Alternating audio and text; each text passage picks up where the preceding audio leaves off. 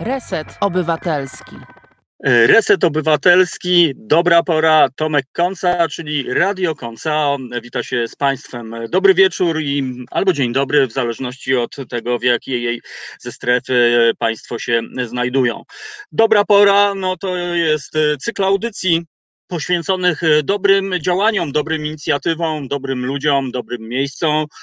I dzisiaj mam niezmiernie przyjemność przedstawić Państwu panią Jolantę Czernicką-Siwecką, założycielkę. Dobry, dobry wieczór. Dobry wieczór Pani Jolu i przede wszystkim dziękuję, że znalazła Pani chwilę ze swojego życia, żeby, żeby pobyć po prostu z nami. E, ja pozwolę sobie taki króciutki wstęp, e, który przeczytałem na stronie Fundacji Iskierka. Myślę, że to będzie cudowny początek e, rozmowy. Fundacja Iskierka działa na rzecz dzieci z chorobą nowotworową. Pomaga tym najmniejszym uwierzyć, że warto walczyć, że wokół są inni ludzie. Tym dużym czy też dorosłym pomaga pomagać, bo w życiu najważniejsze jest życie. No właśnie, jak sobie to przeczytałem, to no taki niby banał, ale no jak y, prosty y, po prostu między oczy takie przesłanie.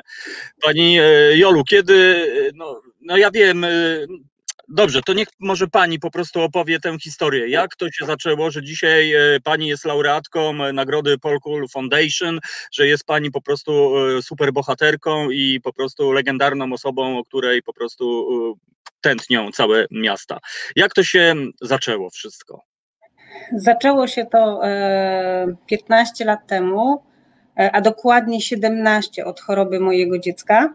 E, kiedy leczyłam moje dziecko, to postanowiłam ten cały proces choroby, który no nie, nie był łatwy i który no wiązał się z ogromnym szokiem, że w ogóle jak to moje dziecko jest chore, przecież to jest niemożliwe. E, ale jak przychodzi taki moment, że rodzic e, w tym szpitalu po diagnozie zaczyna akceptować e, i jakby oswajać się z myślą, że faktycznie jego dziecko jest chore i teraz co ja mogę zrobić, żeby ten czas choroby najlepiej spożytkować jak potrafię, to ja sobie wtedy pomyślałam, że e, skoro jest tak, a na tamten czas e, szkoliłam e, ludzi i prowadziłam szkolenia z tak zwanego obszaru miękkiego, to jest czas tą wiedzę wykorzystać w przypadku mojego dziecka. I trochę na tyle, na ile było to możliwe i na ile warunki pozwalały, staraliśmy się tą chorobę zamienić w pewien rodzaj zabawy. Zaczęło się od tego, że e, mojemu dziecku rysowałam e, całą chorobę, czyli na czym ona polega, na czym polega ta walka krwinek czerwonych z białymi, e, dlaczego on ma być generałem i wydawać polecenia swojemu szpikowi. Robiliśmy mnóstwo takich zabaw, ja bym powiedziała, trochę przeciwko medykom, po to, żeby jednoczyć siły. Co nie znaczy, że medycy nie wiedzieli, co my wyrabiamy, bo myśmy wiedzieli, oni też wiedzieli, ale jakby w tym całym spisku, po to, żeby wzmacniać moje dziecko, jakby chętnie uczestniczyli. E, I to mi też pokazało, że jak się ustawia e, taką relację, że mam wpływ na to i oczywiście nie zawsze mam wpływ na przebieg choroby, nie zawsze mogę mieć wpływ na to, żeby ona się skończyła e, pozytywnie, ale to mam wpływ na jakość tego przebiegu. I to jakby mogę zadbać o to i jakby rozbudzać pasję, wzmacniać e, te mocne strony mojego dziecka, żeby ono miało też poczucie, e, że ono też wpływa na to, że ono też może jakoś decydować o tym, co się z nim dzieje. E, wymyślaliśmy bardzo różne rzeczy i taki nawet bym się śmiałam się, że mieliśmy taki harmonogram, że od poniedziałku do czwartku jest szpital i chemia, w piątek rano wsiadamy w samochód i jedziemy wszędzie tam, gdzie on tego potrzebował, jakby, albo czy na rower, no jakby różne rzeczy wymyślaliśmy, po to, żeby on miał poczucie, że jest od do i coś za tym się kryje i że jakby on się tym e, bawi i też jego to wzmacnia. E, I po zakończonym leczeniu, E, ja sobie pomyślałam w ten sposób, że skoro to pomogło mojemu dziecku, e, a też nawiązaliśmy mnóstwo nowych relacji, nowych znajomości, przyjaźni, e, i też widziałam, że innym dzieciom to jakoś pomaga, jakby ten sposób takiej zabawy, którą zaproponowałam, że może by warto to zacząć jakoś więcej tego szerzyć, pokazywać, dzielić się też tym swoim doświadczeniem. No i tak na początku bez żadnych, że tak powiem, bez żadnych formalnych działań zaczęłam wchodzić na, na oddział, ściągać przyjaciół, ściągać różne galerie, E, przeprowadziliśmy i zorganizowaliśmy razem e, z dziećmi, z rodzicami, z lekarzami pierwszą aukcję. E, z, z tych środków zebranych pozyskałam darczyńcę, która nam drugą kwotę dołożył i zorganizowaliśmy pierwsze dwa wyjazdy dla dzieci wakacyjne. Po, po tych wakacjach też pokazało nam, jak, jak się przeprowadza wyjazd dla dzieci, dobrze przygotowany, y, to, to nagle dzieci tam dostają takich skrzydeł, że one wracają w ogóle podwójnie wzmocnione. I to nam też lekarze powiedzieli, że oni nie wiedzą, co tam się działo, ale po prostu widzą po dzieciach, że to w ogóle jest, y, że one w ogóle jakoś inaczej funkcjonują, inaczej pracują. E, zorganizowaliśmy pierwszy koncert i po pierwszym koncercie jakby sami rodzice przyszli i powiedzieli, słuchaj Jola, y, może by coś organizować, bo ludzie chcą wpłacać pieniądze, ale gdzie, nie mamy, wiesz, numeru konta i tak mhm. dalej. No i tak powstał pomysł y, powstania czy powołania fundacji. Dzieci wymyśliły też nazwę, też był, y, długo żeśmy rozmawiali w ogóle, jak to ma wyglądać. No i tak powstała Fundacja Iskierka, która działa od 14 lat i która po 14 latach, można powiedzieć, opiekuje się, ma pod swoją opieką ponad 700 podopiecznych, opiekuje się czterema oddziałami w Polsce, to jest Zabrze, Katowice, Chorzów, Rzeszów e, i która e, jakby wypracowała pięć obszarów, w których bardzo mocno e, jesteśmy i wspieramy. Pierwszy z tych obszarów to jest moment, kiedy rodzina trafia na oddział. E, jakby staramy się zaopiekować rodziną, ponieważ w chorobie nowotworowej nie choruje tylko dziecko, tylko cały system rodzinny. I tu trzeba popatrzeć z perspektywy i rodziców, i rodzeństwa, ale i też dziadków. E, i tu jakby staramy się zaopiekować rodziną, podpowiadamy rodzicom, gdzie co należy pozałatwiać, jakiego rodzaju dokumenty, jakie, jakiego rodzaju zasiłki, jak to wygląda z pracą, czyli też taki kawałek, bym powiedziała, e, społeczny. Udostępniamy psychoonkologa, który jakby opiekuje się od tej strony psychologicznej, czyli jakby tłumaczy też rodzicom e, i rodzinie, e, co się z nimi dzieje, co się dzieje z dzieckiem, co się może dziać z rodzeństwem, które często e, w odczuciu danego rodzeństwa podwójnie traci, bo traci kontakt ze swoim rodzeństwem i jednocześnie uwagę rodziców, która jest przekierowana na chore dziecko. Więc jakby to jest ten taki kawałek. I trzeci kawałek w tym obszarze to jest jakby umożliwiamy otwarcie subkonta, żeby rodzice mogli gromadzić środki, też tłumaczymy, dlaczego to jest takie istotne. Tłumaczymy też, że proces leczenia to nie jest dwa tygodnie, tylko może być dwa lata, a może być dłużej, że w tym procesie leczenia e, różne kryzysy mogą się zadziać i że te środki po prostu pozwalają im bezpiecznie przez ten proces cały e, przejść. Drugi obszar działań Iskierki to jest ja bym powiedziała taki twardy, czyli kupujemy sprzęty, y, kupujemy leki, doposażamy oddziały, remontujemy te oddziały, y, też pokazując, jak bardzo ważny wpływ na proces leczenia ma przestrzeń, w której jesteśmy. Inaczej się zachowujemy, jak widzimy tylko białe ściany, a widzimy, inaczej się zachowujemy, jak one są kolorowe, przyjazne, jak cały y, pokój zabiegowy działa też na, na rzecz nas, a nie tylko, że to jest coś surowego, do czego przychodzimy, jest wykonywane badanie i wychodzimy. U nas każdy z tych oddziałów jest piękny, kolorowy, y, pokoje zabiegowe są tak skonstruowane, że jak dziecko kładzie się na kozetce, to na suficie widzi jakieś kolorowe motywy. E, I na przykład w Chorzowie był taki czas, że było 21 kwiatków namalowane, o czym ja nawet nie wiedziałam, ale nam to dzieci powiedziały, że, że, namalowaliśmy, dla nich, że namalowaliśmy dla nich 21 kwiatów, więc to też jest takie cudowne, że dzieci na to zwracają uwagę. E, tutaj też mm, pomagamy i doposażamy e, szpitale, ale jakby rozmawiając z każdą ze stron, czyli na przykład dzieci nam mówią, co one widzą i co jest dla nich potrzebne, rodzice nam zwracają uwagę na potrzeby, pielęgniarki, lekarze, ordynatorzy i dyrektorzy szpitali, ponieważ każda z tych stron ma inną perspektywę i nam chodzi o uwspólnianie tych potrzeb po to, żeby jak najlepiej i jak najskuteczniej wpływać na ten proces leczenia dziecka.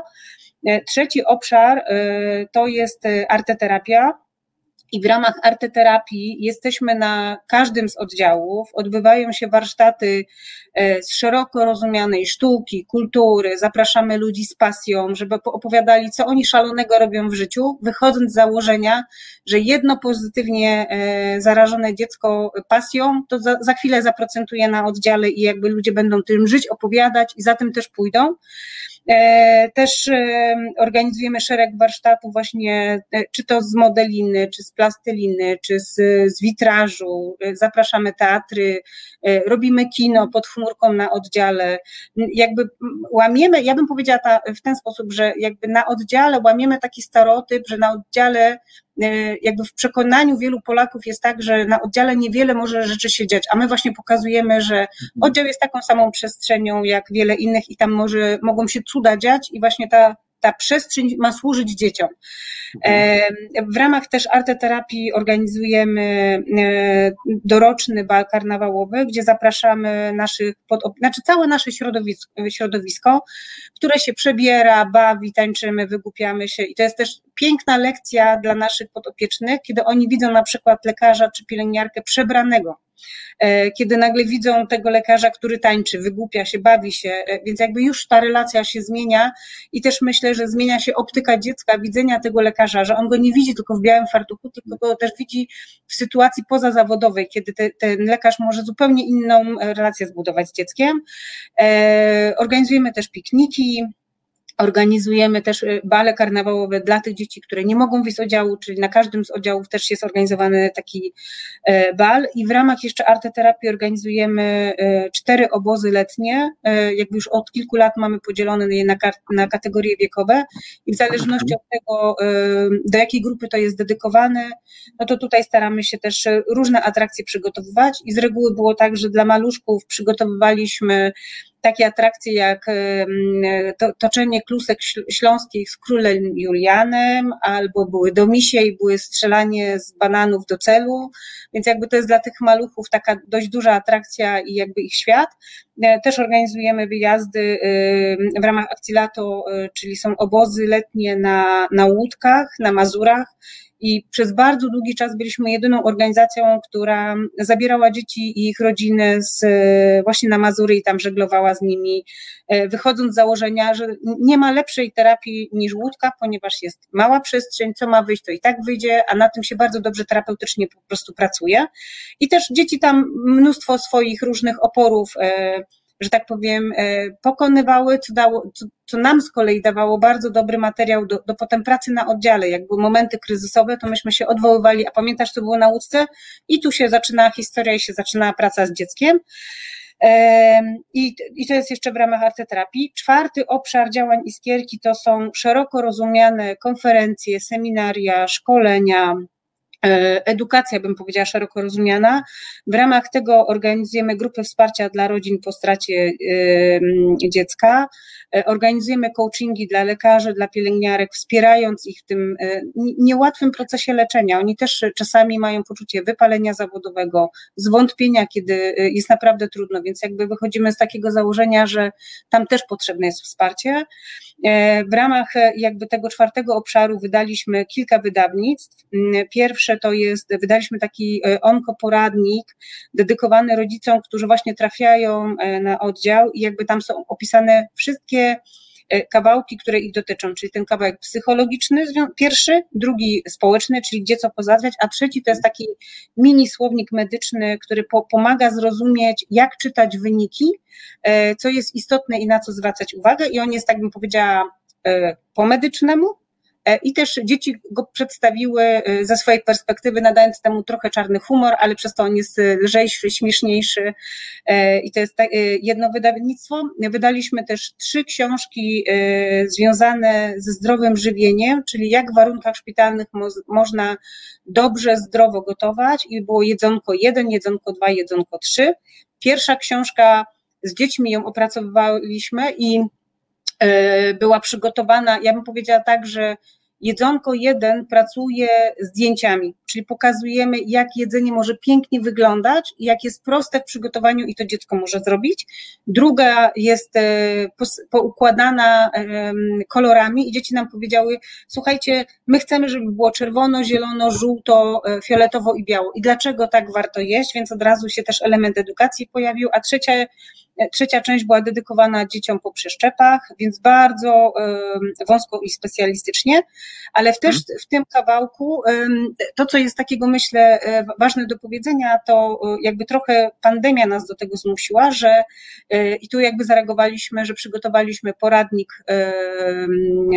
psychoonkologiczny online, czyli nasza psychoonkolog onlineowo przeprowadza przez cały proces leczenia, mówiąc jakby co po kolei się dzieje, jak rozmawiać z dzieckiem, jak udzielać informacji dziecku, jak, do, jak dziecko przygotowywać na, na różnego rodzaju informacje, badania.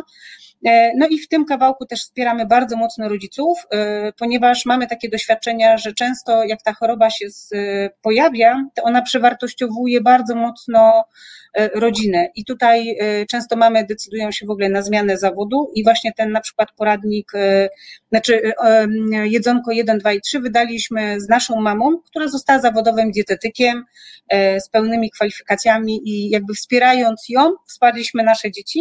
Druga mama jest zawodowym fotografem i wydaliśmy z nią trzy edycje kalendarza, więc jakby takie mamy, które mają pomysł trochę, no to my mówimy, słuchaj, to my tu wspieramy, proszę rób to i, i nie nakładaj sobie różnych e, ograniczeń. E, I, piąty obszar działań Iskierki to jest e, szeroko rozumiana współpraca e, z biznesem w ramach odpowiedzialności społecznej. I tutaj bym powiedziała tak, że bardzo mocno staramy się pracować na swoich zasobach, czyli jakby rozmawiamy o tym, gdzie są mocne strony firmy, co oni potrafią, co chcieliby z nami zrobić i wymyślamy takie projekty, które zmieniają kawałek jakby naszej rzeczywistości. Na przykład tutaj też powiem, że e, wszystkie cztery oddziały, które remontowaliśmy, więcej, przepraszam, dziewięć oddziałów remontowaliśmy, to za każdym razem zapraszani byli, e, zapraszane były różne firmy, które z nami tworzyły projekt, a potem pracownicy tej firmy razem z nami odnawiali oddział. Jakby po pierwsze widzieli, gdzie były wydane środki finansowe, po drugie widzieli, jak się zmienia e, cała przestrzeń szpitalna, a po trzecie widzieli od razu na bieżąco reakcje dzieci, które reagowały na to, jak się ich przestrzeń, w której one mieszkają, tak naprawdę e, zmienia. E, mhm. Wydajemy kartki, kalendarze. E, no, kalendarz dzisiaj już pierwszy nasz, znaczy nie pierwszy, ale jakby pierwszy z tego roku się pojawił na sklepie i to też jest przy udziale naszych potopiecznych i rodziców. Więc jakby wymyślamy różne takie projekty, które pozwalają nam zarobić, ale dzięki tym zarobionym środkom my je przeznaczamy na, na sprzęt, na leki, na, na te bieżące rzeczy, o które jakby są istotą naszej działalności. Mhm. E, no Pani Jolu, ja się zasłuchałem, ale tak sobie pomyślałem, że Pani odpowiedziała na szereg pytań, których e, w gruncie rzeczy nie zadałem, ale chciałem zadać, ale, ale byłem przygotowany, bo, bo zrobiłem taki research, no i wszyscy potwierdzili, że Pani jest chodzącym reaktorem atomowym po prostu, jeśli chodzi o no, przekazywanie tych dobrych idei. E, chciałbym też, żebyśmy powiedzieli, że pani, ta historia z pani synem, że, że no, pani wygraliście, tak? Tak, tak. Zakończyła się pozytywnie. Mój syn już ma 23 lata e, i jakby inne problemy mamy, ale e, kto ich nie ma, przy, że tak no powiem, tak, tak. Jest, tak? Właśnie to jest to jest piękne, że, że ta historia no, ma taki początek w sumie dramatyczny, bo y, ja bym wiem, że to dla pani być może bardzo traumatyczne i może przykre, ale no bo w pierwszym momencie, kiedy poznała pani diagnozę, no to ja nie wiem, ja mogę się domyślać, jestem rodzicem, wie, wielu z naszych słuchaczy jest rodzicami. No i taka, taka diagnoza, taka wiadomość, no rozumiem, że przewraca życie do góry nogami, że po prostu no, jedni wpadają w depresję, jedni się załamują, kompletnie nie wiedzą, co robić. E, a, a pani, jak, jak u pani to przebiegało? Czy od razu była taka mocno... Nie, nie, nie, nie, nie jest tak. Nie, nie. Panie Tomaszu, to nie jest tak, że to jest od razu. E, to jest tak, że każdy z nas przeżywa szok, bo tego nikt się nie spodziewa. Mhm. Ja naprawdę, ja pamiętam takie momenty, kiedy jeszcze przed chorobą syna, jak czytałam ogłoszenia różne no na tamten czas w różnych gazetach, że na przykład ktoś tam zbiera, czy prosi o wsparcie, bo jego dziecko jest chore na raka, to pamiętam, sama miałam takie myśli, że mówię, Jezus Maria, po prostu jak, jak ci rodzice w ogóle dają radę? Ja bym po prostu nie dała rady. Po czym nagle się okazało, że życie nas postawiło przed takim, a nie innym scenariuszem i trzeba sobie dać radę, po prostu.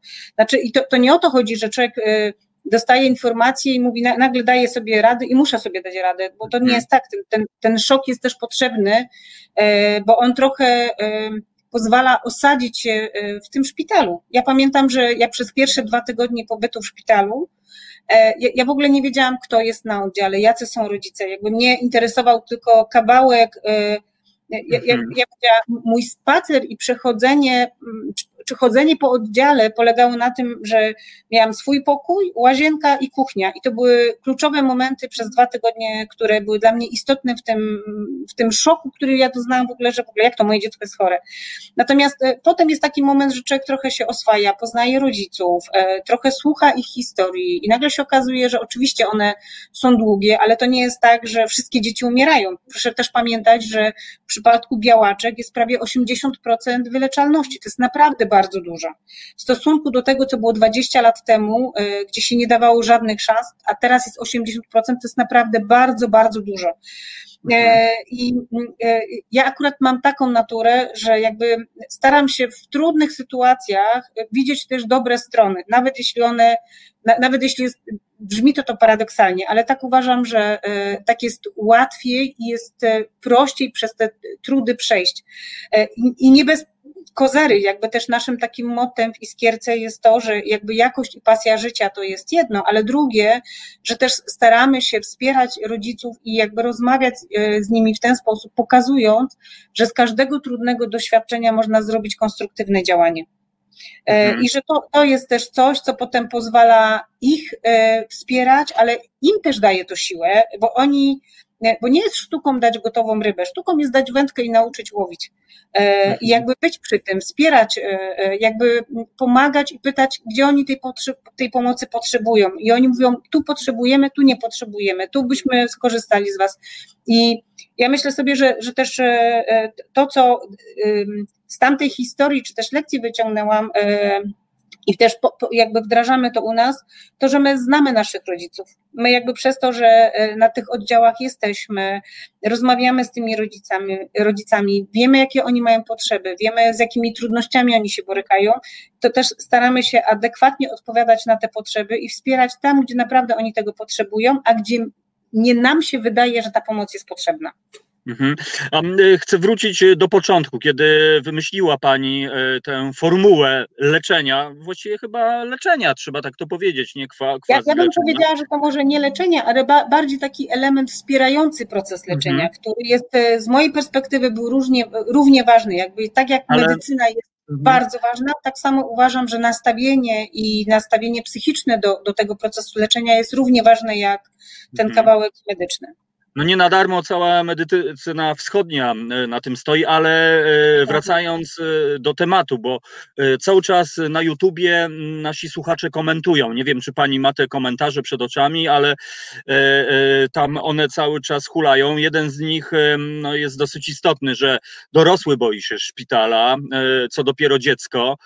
Ja przyznam się, no, mam tak, że w ogóle odsuwam od siebie te myśli, no bo, bo wiadomo, ale po prostu w momencie, kiedy rzeczywiście mm, lekarz zaczyna wyjaśniać, jak to działa, jak to może być, no może trochę my dorośli inaczej e, na to patrzymy, dlatego ja przyznam się, jak czytałem te pani patenty właśnie e, o tych kwinkach czerwonych, e, o tym, że pani syn jest generałem, no to ja myślę, że nie jeden dorosły, gdyby coś takiego usłyszał, to po prostu być może inaczej by do tego tematu podszedł, dlatego też wybrzmiewa mi to, co pani powiedziała, że macie dużo podopiecznych, dzieci, oddziały, ale sobie pomyślałem też, że ilu dorosłych e, musicie mieć, ilu rodziców, dzięki którym, nie wiem, otworzyło się, otworzyły się oczy, poczuli moc e, i być może, mam nadzieję, te wszystkie historie będą miały zakończenie albo miały, tak jak w przypadku Oskara, pani syna.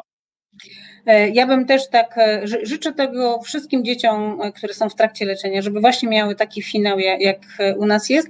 Natomiast, tak jak Pan mówi, jest bardzo ważne i dla mnie to jest kluczowe, żeby zwłaszcza w tym pierwszym etapie, kiedy rodzina trafia na, na, do szpitala, żeby dostała adekwatne wsparcie i pomoc ze strony psychoonkologa. Ja powiem tak, po, po tych 15 latach działań, ja jestem dumna z tego, że nam się udało przekonać e, i lekarzy, i e, dyrekcję szpitala, że to jest bardzo ważna osoba i że na każdym z tych oddziałów po tylu latach jest psychoonkolog i oprócz tego my jeszcze dokładamy naszego. Czyli można powiedzieć, jest dwóch psychologów na, na oddział, co jest bardzo istotne i zgadzam się w zupełności z, z Państwem, e, mówię teraz o, o osobach dorosłych, że one też tego potrzebują.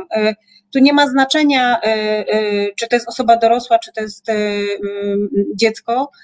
Jak wchodzimy w świat, który jest nam nieznany, a to nie jest coś, co jest nam znane, no to boimy się, to jest zupełnie naturalne, mamy swoje lęki, swoje różne wyobrażenia na ten temat i dobrze jest, jak ktoś po prostu nas e, wysłucha, trochę uspokoi, trochę e, przekaże tej rzeczywistej wiedzy, e, która jest, trochę z uważnością mhm. posłucha tego, co jest dla nas ważne i też tego, w jaki sposób my sobie radzimy z tymi sytuacjami, bo to jest też mhm. tak, że każda rodzina ma swoje mechanizmy wypracowane i ważne jest, żeby adekwatnie popatrzeć na to, co oni nam mówią i wesprzeć tam, gdzie oni tego potrzebują, ale z drugiej strony też zapro czasami zaproponować coś innego, co może też ich pozytywnie zaskoczyć. Mhm.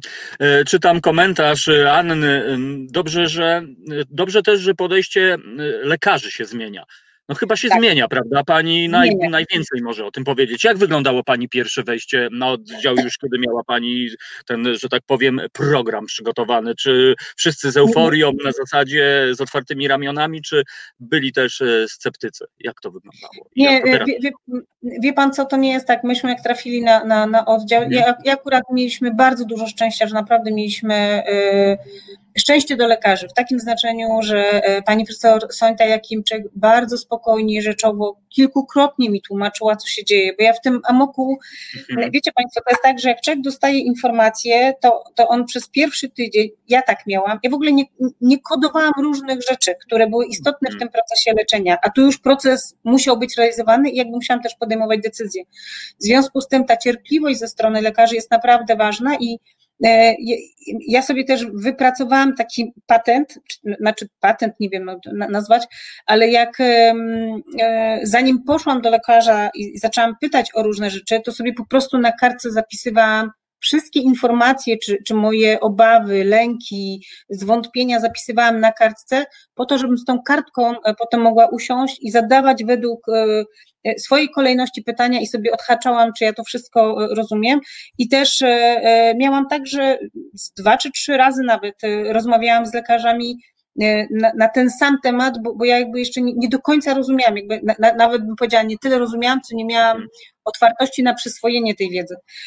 Natomiast postawa lekarzy bardzo się zmieniła, a jednocześnie, tak jak mówię, na tamten czas y, no miałam szczęście i y, ze spokojem mi tu kilkukrotnie wytłumaczono. Wytłumaczono mi cały proces leczenia y, z powikłaniami, jakich mogę się spodziewać i z dobrymi informacjami, ale i też mówili mi o różnych zagrożeniach, więc ja miałam takie poczucie, że ja jestem partnersko traktowana, ale i że też ich mam po swojej stronie, więc i też się z nimi umówiłam tak, że ja nie będę przychodzić i tam co pięć minut pukać hmm. i pytać, bo, bo sobie zdaję sprawę, że oni też mają mają e, nie tylko moje dziecko, tylko jest jeszcze kilkoro innych, e, czy kilkanaście innych dzieciaków, e, więc po prostu robiłam listę i wtedy pytałam, czy tam na, kon na konkretny czas, na konkretną godzinę się mogę umówić, że mam jeszcze kolejne pytania i to w, w miarę z upływem czasu tych pytań było coraz mniej, a, a już bardziej było tak, że było Pani Jolu, dziecko zaczyna kolejny protokół leczenia, ja już wiedziałam, który to protokół, o co chodzi, jakie tam są dawki i z czym to się mniej więcej mhm. wiąże. No, jest to ogromna praca przez, przez te 14 lat, tak? Po prostu tak. działania tak. Iskierki. Tak, tak. No bo ja teraz chciałbym do czasów dzisiejszych. Jeszcze zahaczyłbym o, o tę nagrodę, którą kapituła Fundacji Polkal Foundation imienia Jerzego mhm. Bonieckiego pani wręczyła, bo też przy okazji sobie popatrzyłem, co to za fundacja i co oni robią i przyznam się, że po prostu no, dla mnie no to, to, to jest po prostu ogromne wyróżnienie, jakie panią spotkało, bo, bo takich e, e, organizacji, takich działań no, po, po, brakuje nam.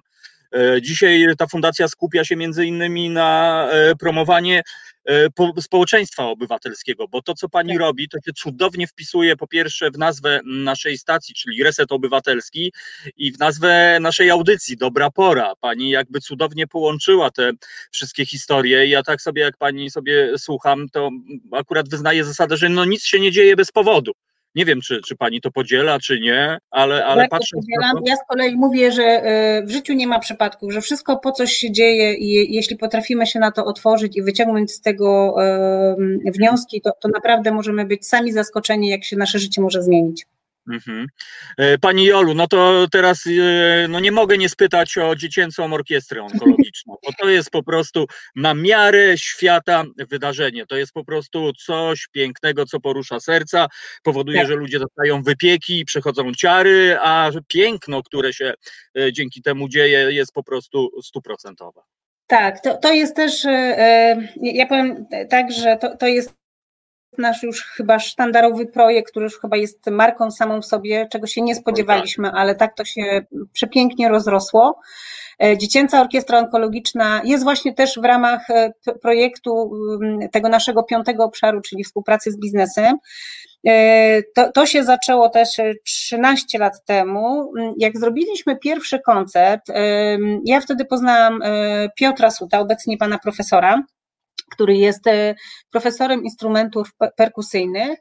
E, jak z Piotrem rozmawialiśmy 13 lat temu właśnie o, o takim pierwszym koncercie, to ja mówiłam mu, Piotr, słuchaj, e, ja to bym chciała tak, bo wiesz, ja, ja, chodzę też na koncerty i to jest cudowne siedzieć i słuchać, ale gdyby mi na przykład ktoś mnie tak zaprosił do, do, do tego, żebym jakoś coś mogła razem zrobić, to by było w ogóle jeszcze fajniej. I on tak słucha, słucha i mówi, wiesz co, to może zrobimy tak, że e, podzielimy ten koncept na dwie części e, i pierwszą e, zrobimy taką tradycyjną, czyli że ludzie będą siedzieć, słuchać, jak artysta wykonuje utwory dedykowane iskierce, a drugą zaprosimy publiczność do, do wykonania jakiegoś utworu na rzecz iskierki. I ja mówię, słuchaj, to jest super pomysł. I nagle ten koncept w ogóle jakby wywróciliśmy tam, myślę, parę rzeczy do góry nogami, bo się ludzie tak niesamowicie zaangażowali, stworzyli orkiestrę, zagrali fragment muzyki afrykańskiej, dedykowany iskierce i dzieciom.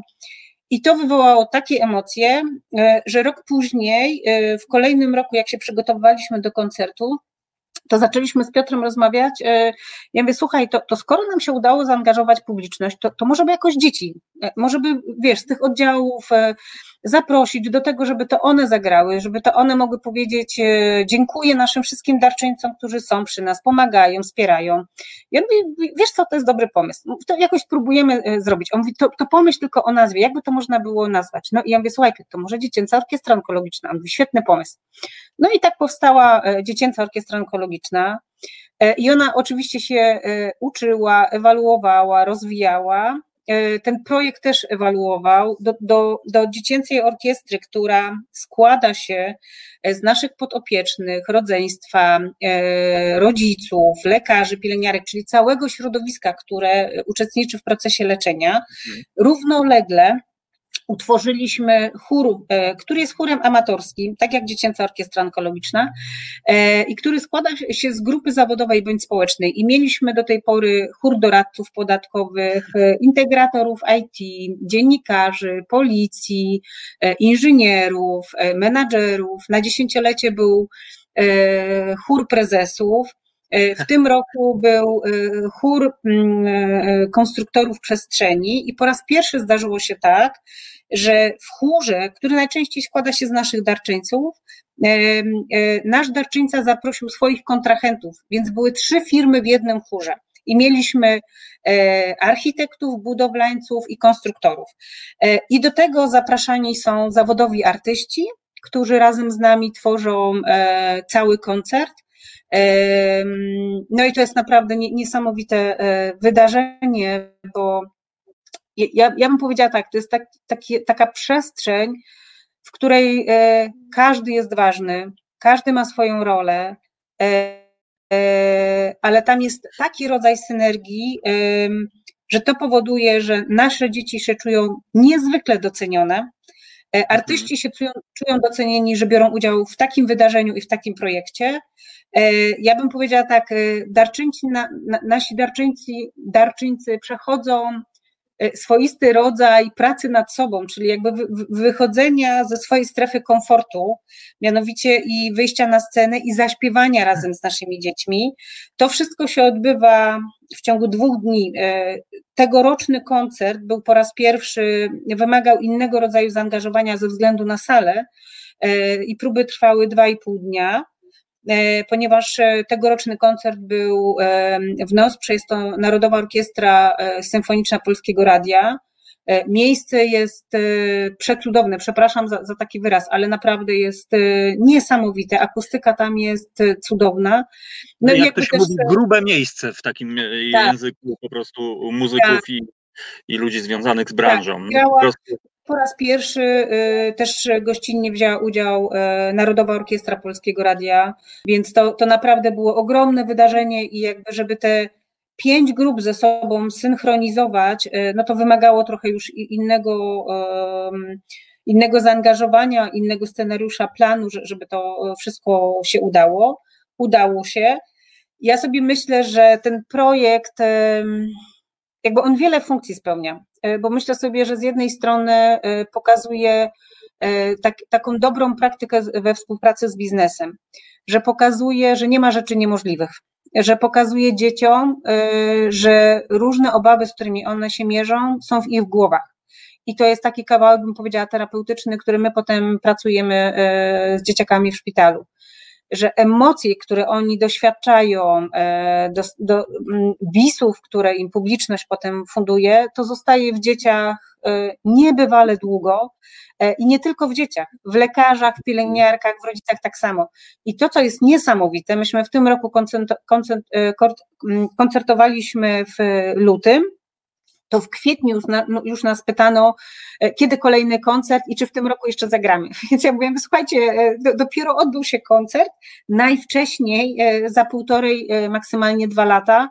Mhm. No, bo to, trzeba, to, to wymaga naprawdę ogrom wysiłku z naszej strony, żeby to wszystko przygotować, ale jest to tego warte. Mhm. Naprawdę doświadcza się takich emocji.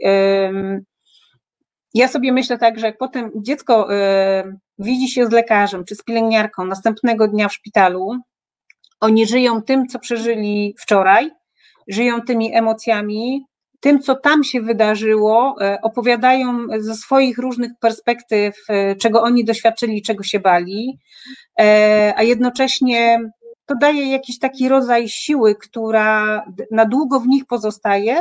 I to, co jest też dla nas cudowne, mm, że tu już potem nie trzeba przychodzić i mówić y, dziękujemy, bo to, to się po prostu mhm. widzi, to się czuje, y, to się czuje na, na, na wielu wymiarach. Też ja myślę o moim zespole, który jest to zaangażowany, że to każdy z nas naprawdę ma, ma poczucie współtworzenia dobra, i to dobro procentuje. I to jest coś, co jest e, no, no gdzieś poza wszelkimi kategoriami dla mnie, ale jest to na, naprawdę niesamowite. Bardzo gorąco zachęcam Państwa do, do obejrzenia tego materiału. To jest trzyminutowy materiał.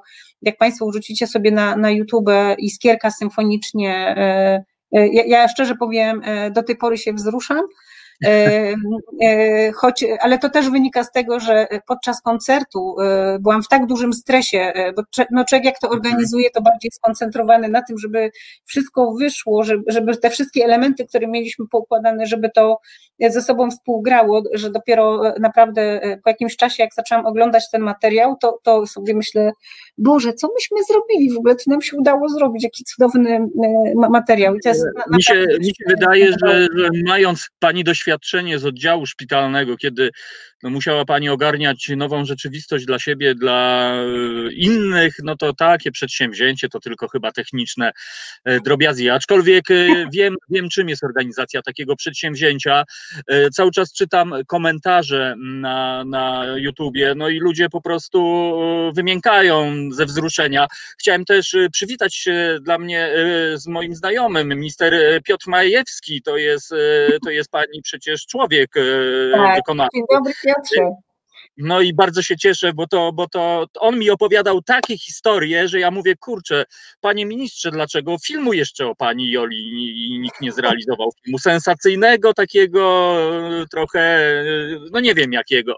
Dziękuję ale, ale panie Tomaszu, ale nie, nie ma potrzeby.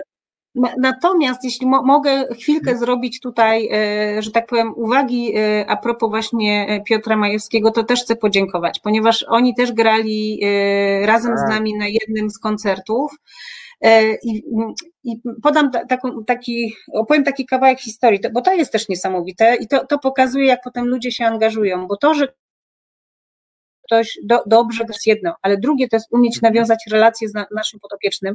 Oni akurat wspierali utwór e, naszej potopiecznej, którą namówiliśmy do tego, żeby na okulele e, zagrała i oni jej akompaniowali. I naprawdę e, to, w jaki sposób panowie ją przygotowali, po, pozwolili nam miękko wejść, bo oni są zawodowymi muzykami, a ona nie na, naprawdę e, ogromny szacunek e, dla nich i też jak potem wracałam e, z Weroniką z Warszawy i rozmawiałyśmy o tym, co się wydarzyło, gdzie ona jeszcze potrzebuje wsparcia, ciepła,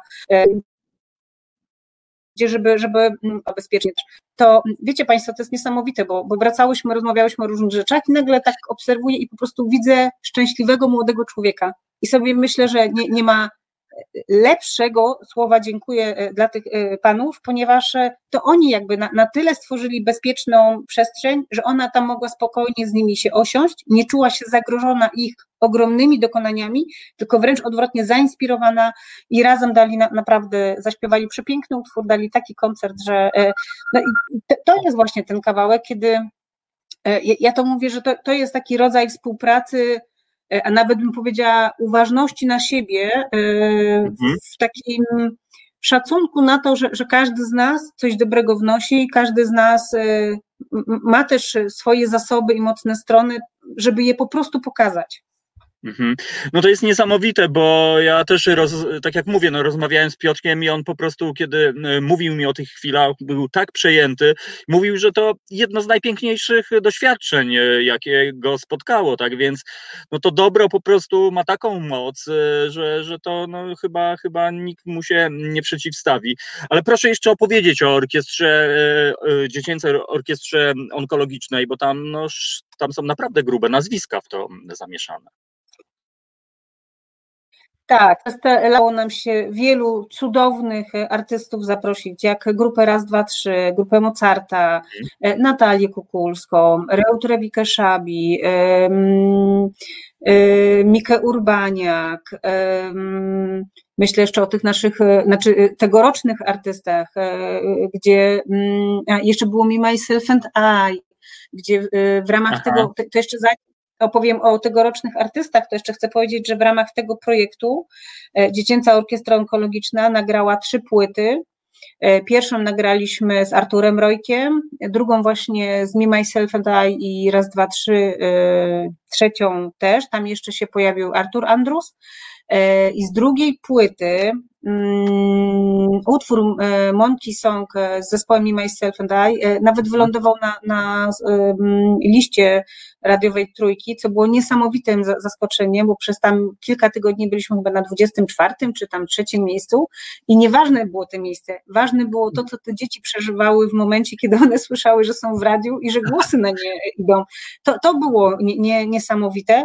No i ten tegoroczny koncert też z, z Krzesimirem Dębskim, z Anną Jurktowicz, z, z przepraszam, ale już emocje trochę idą w górę.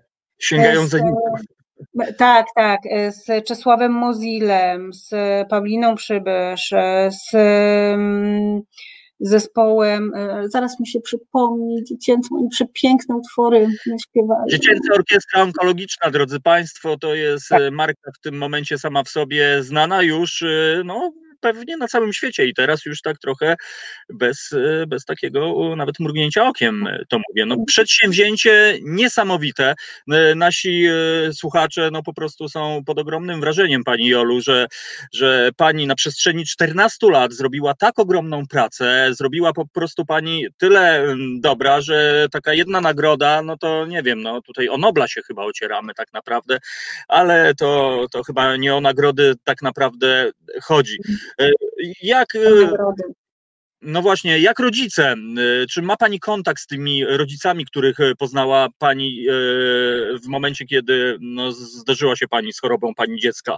Czy, czy to też wpłynęło na to, co Pani robi, na ich działalność? Czy oni są zaangażowani również w Iskierkę? Tak, e, nie, nie, mówię, że wszyscy, e, mhm. ale do tej pory e, mamy szereg rodziców, którzy są od wielu, wielu lat z nami, wspierają nas, pomagają nam. Też z tych relacji zawiązały się przyjaźnie i do tej pory różne momenty celebrujemy. I myślę sobie, że, że to jest też najlepsza.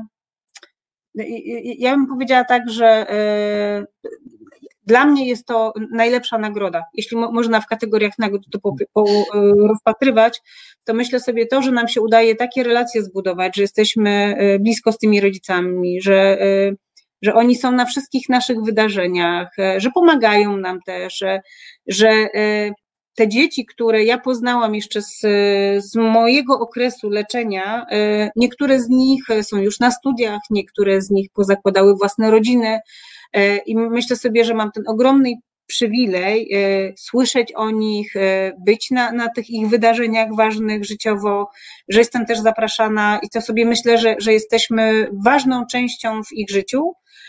I też się cieszę, że zaczynamy już mieć pierwszych dorosłych pracowników, doktorantów. I to też jest cudowne, że jakby ja mam, jakby głęboko jestem o tym przekonana, że zawsze warto wspierać człowieka, zawsze warto go wzmacniać, doceniać. Nigdy nie wiemy, w którym momencie to zaprocentuje i jak zaprocentuje, e, a wiele razy nas to e, naprawdę zaskoczyło tak, że, że się nie spodziewaliśmy, a potem jak przychodziła informacja, że ta dziewczyna już kończy doktorat, e, że pracuje w laboratorium i zajmuje się nowotworami, że tutaj dziewczyna e, już dostała propozycję, żeby została na uczelni i żeby właśnie rozwijała doktorat, bo ma świetne pióro e, i pisze takie artykuły, trochę właśnie w oparciu o swoje doświadczenia, dzieląc się nimi i przez to jest to ciekawsze, bardziej wzbudza emocje, więc ja to się śmieję, że mamy takie pomału grono, gdzie i wspieramy na rodziców i ich wspieramy y, w tym, żeby szli za swoim pomysłem, za, za tym, co im teraz w, du, w, duszy gra, że tak powiem, i bardzo to mocno wzmacniamy i pokazujemy to światu, że, że, że tutaj też są wspólne projekty i jednocześnie te dzieciaki, które już są y, pomału młodymi, dorosłymi, y, też wspieramy, mówimy, słuchaj, kto jak nie ty? No przecież jak się przeszło taki kawałek w życiu drogi, który nie jest łatwy, no to, to tak naprawdę nie ma nic istotniejszego, więc e, reszta się wydaje już e, do, do, no do pokonania. Jak słucham panią, pani Jolu, to, to tak jakbym słuchał podręcznika społeczeństwa obywatelskiego. No po prostu to, co pani mówi, jest niezwykłe i no, gdy, gdyby wszyscy albo większość tak, chociażby gdzieś tam w jakimś minimalnym kierunku myślała, no to pewnie bylibyśmy krainą e, szczęśliwości.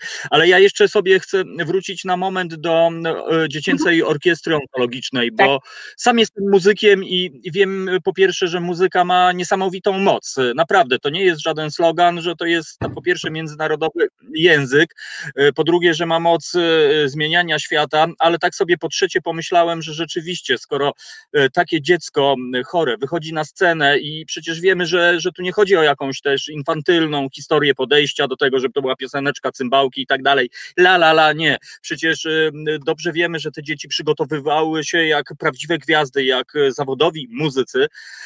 To tak jak pani mówi, że, oprócz, że ta choroba gdzieś tam z tyłu zostaje, bo nie ma innej w ogóle możliwości po prostu.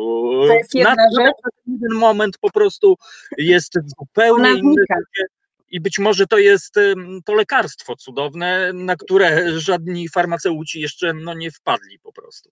Ja, ja powiem tak, że e, dobrze Pan to ujął. E, jest to lekarstwo i na ten moment, kiedy oni uwagę koncentrują na próbach, na koncercie, to, to jest cały ich świat na ten moment i to jest najważniejsze. Drugą rzeczą, którą, o którą też e, Pan poruszył, e, to jest ten cały proces przygotowania, że to nie są tylko cymbałki.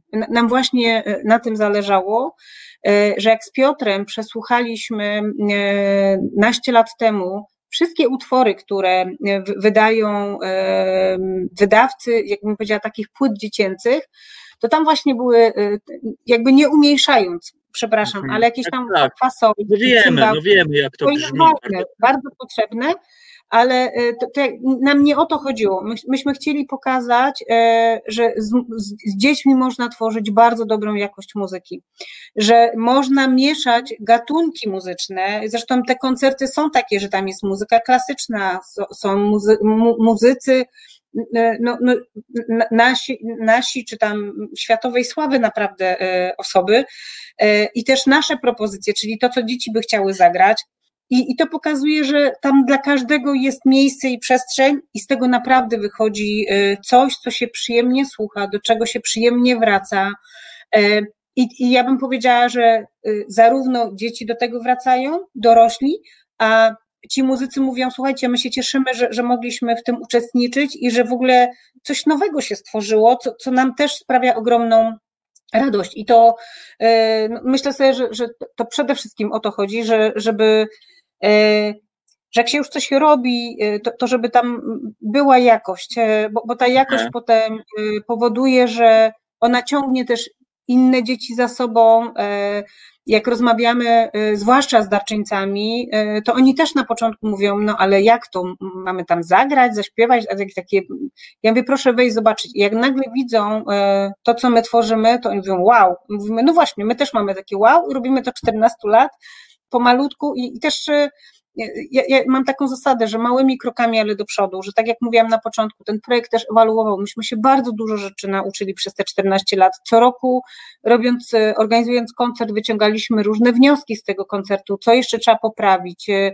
e, gdzie trzeba, że tak powiem, odpuścić trywialnie, ale jak się pojawiła szansa czy możliwość zagrania w Nosprze, no to stwierdziliśmy, kurczę, no, y, jak to się mówi, raz kozie śmierć, podejmujemy te wyzwanie, próbujemy, no i y, naprawdę mam takie poczucie, że y, pokazaliśmy, że organizacja pozarządowa może zorganizować i zrobić bardzo dobry koncert we współ z amatorami.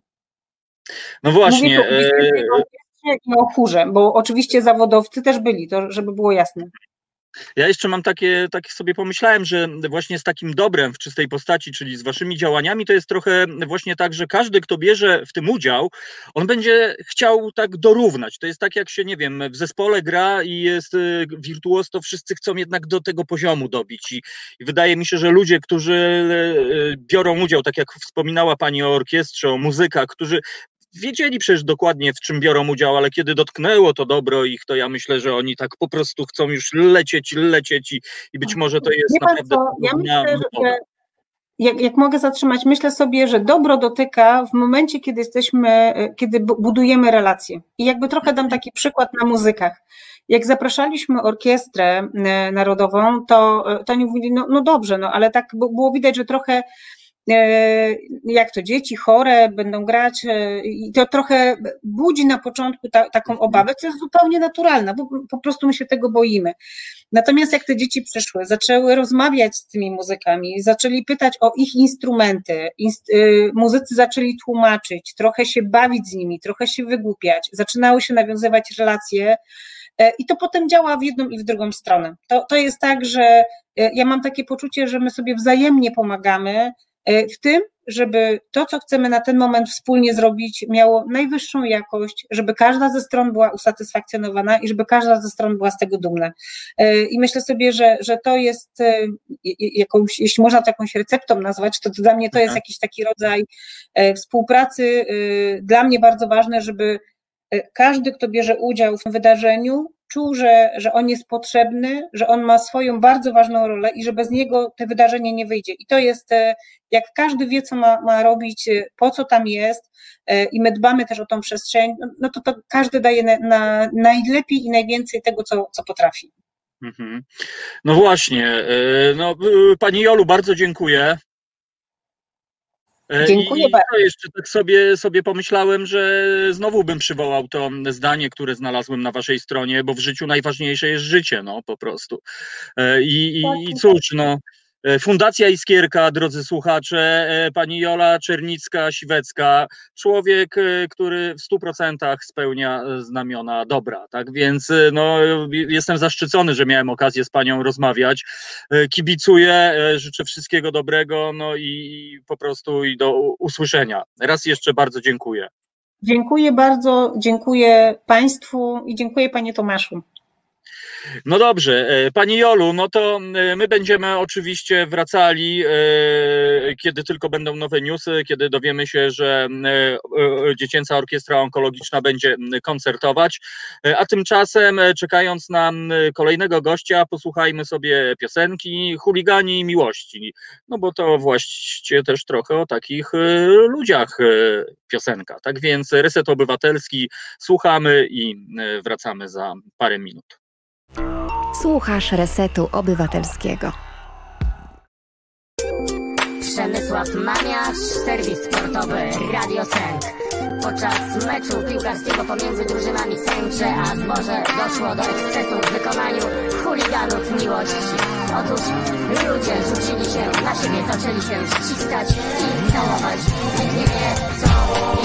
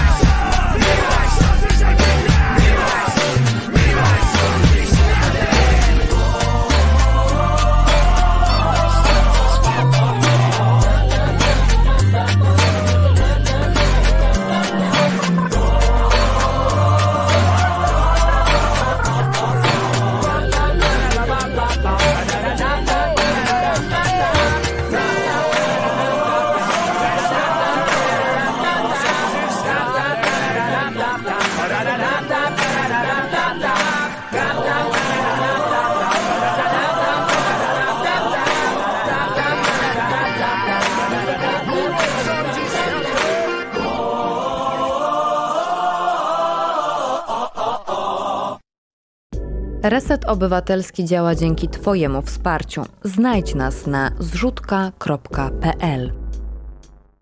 No dokładnie tak. E, Miłość rządzi światem e, i to pewne. E, a to jest Reset Obywatelski. Ja nazywam się Tomek Konca albo Radio Koncao, jak mówią na mnie na mieście. No bardzo, bardzo fajna rozmowa, można by rzec dobra rozmowa o dobrych rzeczach, o dobrych ludziach, o dobrych inicjatywach. No to jest coś niesamowitego i widzę, że jesteście przejęci, że obejrzeliście już tymczasem klip Dziecięcej Orkiestry Onkologicznej.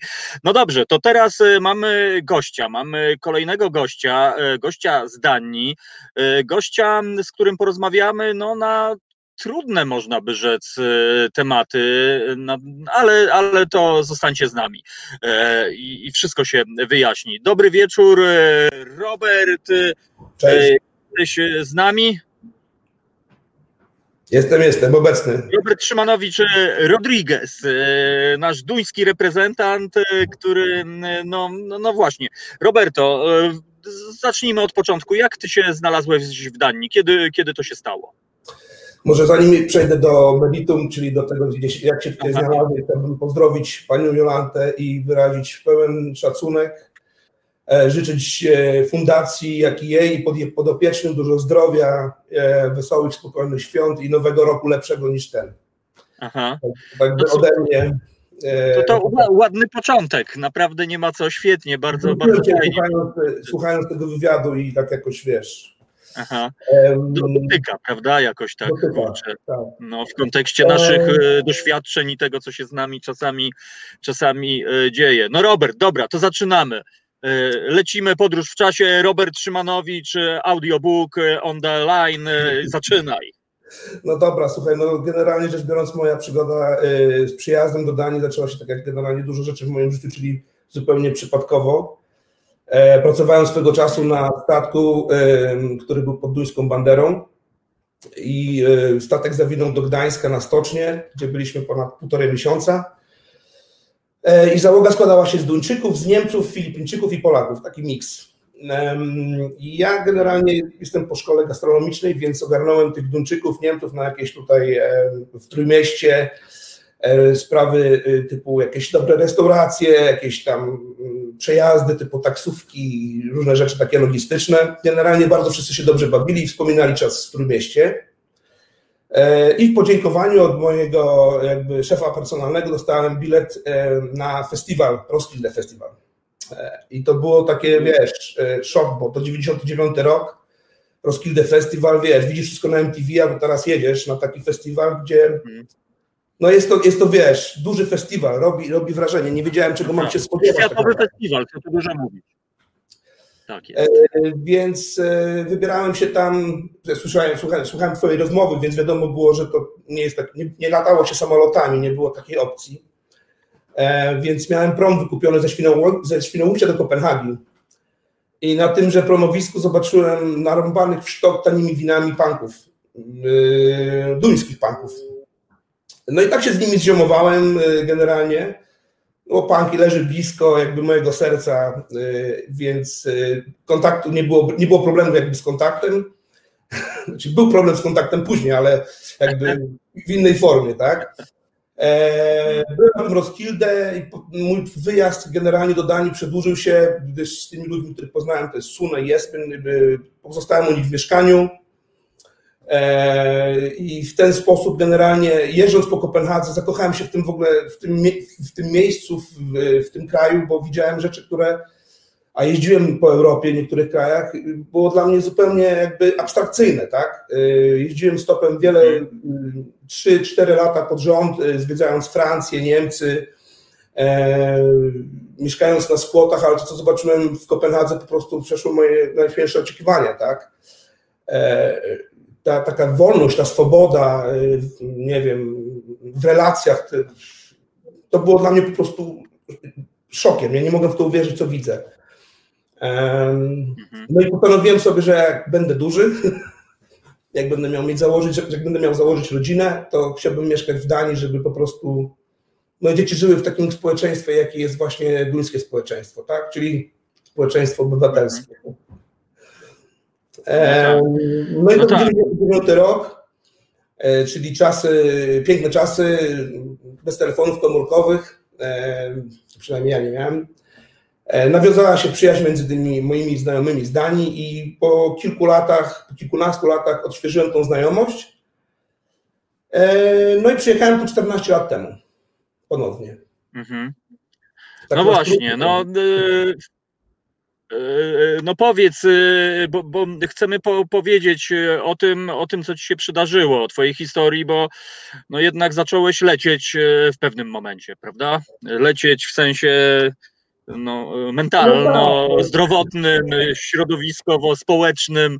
Y, ja- Jak ten lot się zaczynał? W jakich okolicznościach startowałeś i gdzie wylądowałeś? Wiesz co, y, ja ci powiem tak, nikt, ja tak naprawdę nie wiem dokładnie, w, kiedy, w którym momencie zaczęło się coś y, walić, bo y, po pierwsze ludzie, którzy są chorzy, sami tego nie dostrzegają y, i ignorują sygnały, które do nich docierają, tak? Czyli w moim przypadku była to rodzina, byli to moi najbliżsi przyjaciele, którzy jednokrotnie, niejednokrotnie dawali mi sygnały, że coś jest nie tak, y, coś się dzieje i po prostu y, ludzie, którzy mają problem, czy to z narkotykami, czy z alkoholem, nie akceptują tej, tej, tej wersji. Tak? Wydaje mi się, że wszystko jest w porządku i wszyscy jakby e, są przeciwko nim. To jest system samoobrony, naturalny samoobrony. Mhm. Tak? Y, Więc y, jakby to, to, ten proces mojego jakby upadku, jakby dotknięcia swojego dna, y, to był proces czteroletni tak naprawdę, tak? Rozłożony w czasie. To był, taki, wiesz, rad po prostu, tak? Tylko, że on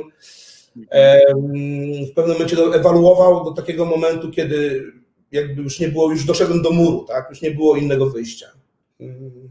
Gdzie było Mhm. wyjście? No tak, no dobrze, że użyłeś słowa choroba, bo y, często mówiąc o uzależnieniach y, w kontekście narkotyków czy alkoholu, zapominamy jednak, że to jest y, choroba, bo skupiamy się na jej emanacji, na jej objawach, prawda? I często mówimy pijak, narkoman, brutalnie mówiąc, y, i jakby nic, co, co za tym idzie. Ja przyznam się, no mam, a właściwie nie mam e, przyjaciela, który, który no, po prostu nie dał rady, bo, bo też leciał, e, też jakby odbijał. e, Mów, no, było dokładnie tak, jak mówisz, czyli ludzie zaangażowani, rodzina, znajomi sygnalizują, że jest coś nie tak. Nie, nie, nie tak. Jego ulubionym w ogóle powiedzeniem było to, że jak sobie robił jakiś taki odwyk doraźny, alkoholowy, e, i przychodził ten moment, to on mówił, skoro nie piję, to mogę się napić po prostu. Dokładnie. No i, e, i, i, No to, i to na tym. na- Sorry, że ci słowo. Dokładnie tak jak mówisz, zresztą trzeba pamiętać, że ludzie, którzy są uzależnieni, są niesamowitymi kłamcami i manipulator- manipulatorami, tak? O. Każdy po prostu potrafi zmanipulować tak rzeczywistość, żeby wyglądała tak, jak on chce. Nie widzi się problemów zewnętrznych, nie widzi się te- tego problemu z zewnątrz, dlatego że się jest przekonanym o tym, że się robi dobrze. A nawet jeżeli się myśli, że jest źle, to robi się wszystko, żeby tak nie wyglądało. Aha. Tak. No właśnie, mówisz, mówisz, że to choroba. No choroba ma to do siebie, że oprócz e, ofiary dotyka też e, najbliższych. E, Czy to będzie właśnie rak, czy, czy inne świństwo. No jednak to też musiało dotykać Twoich bliskich. Ja- Jak Twoja rodzina dała radę? Jak No, Oni reagowali. żona odpadła.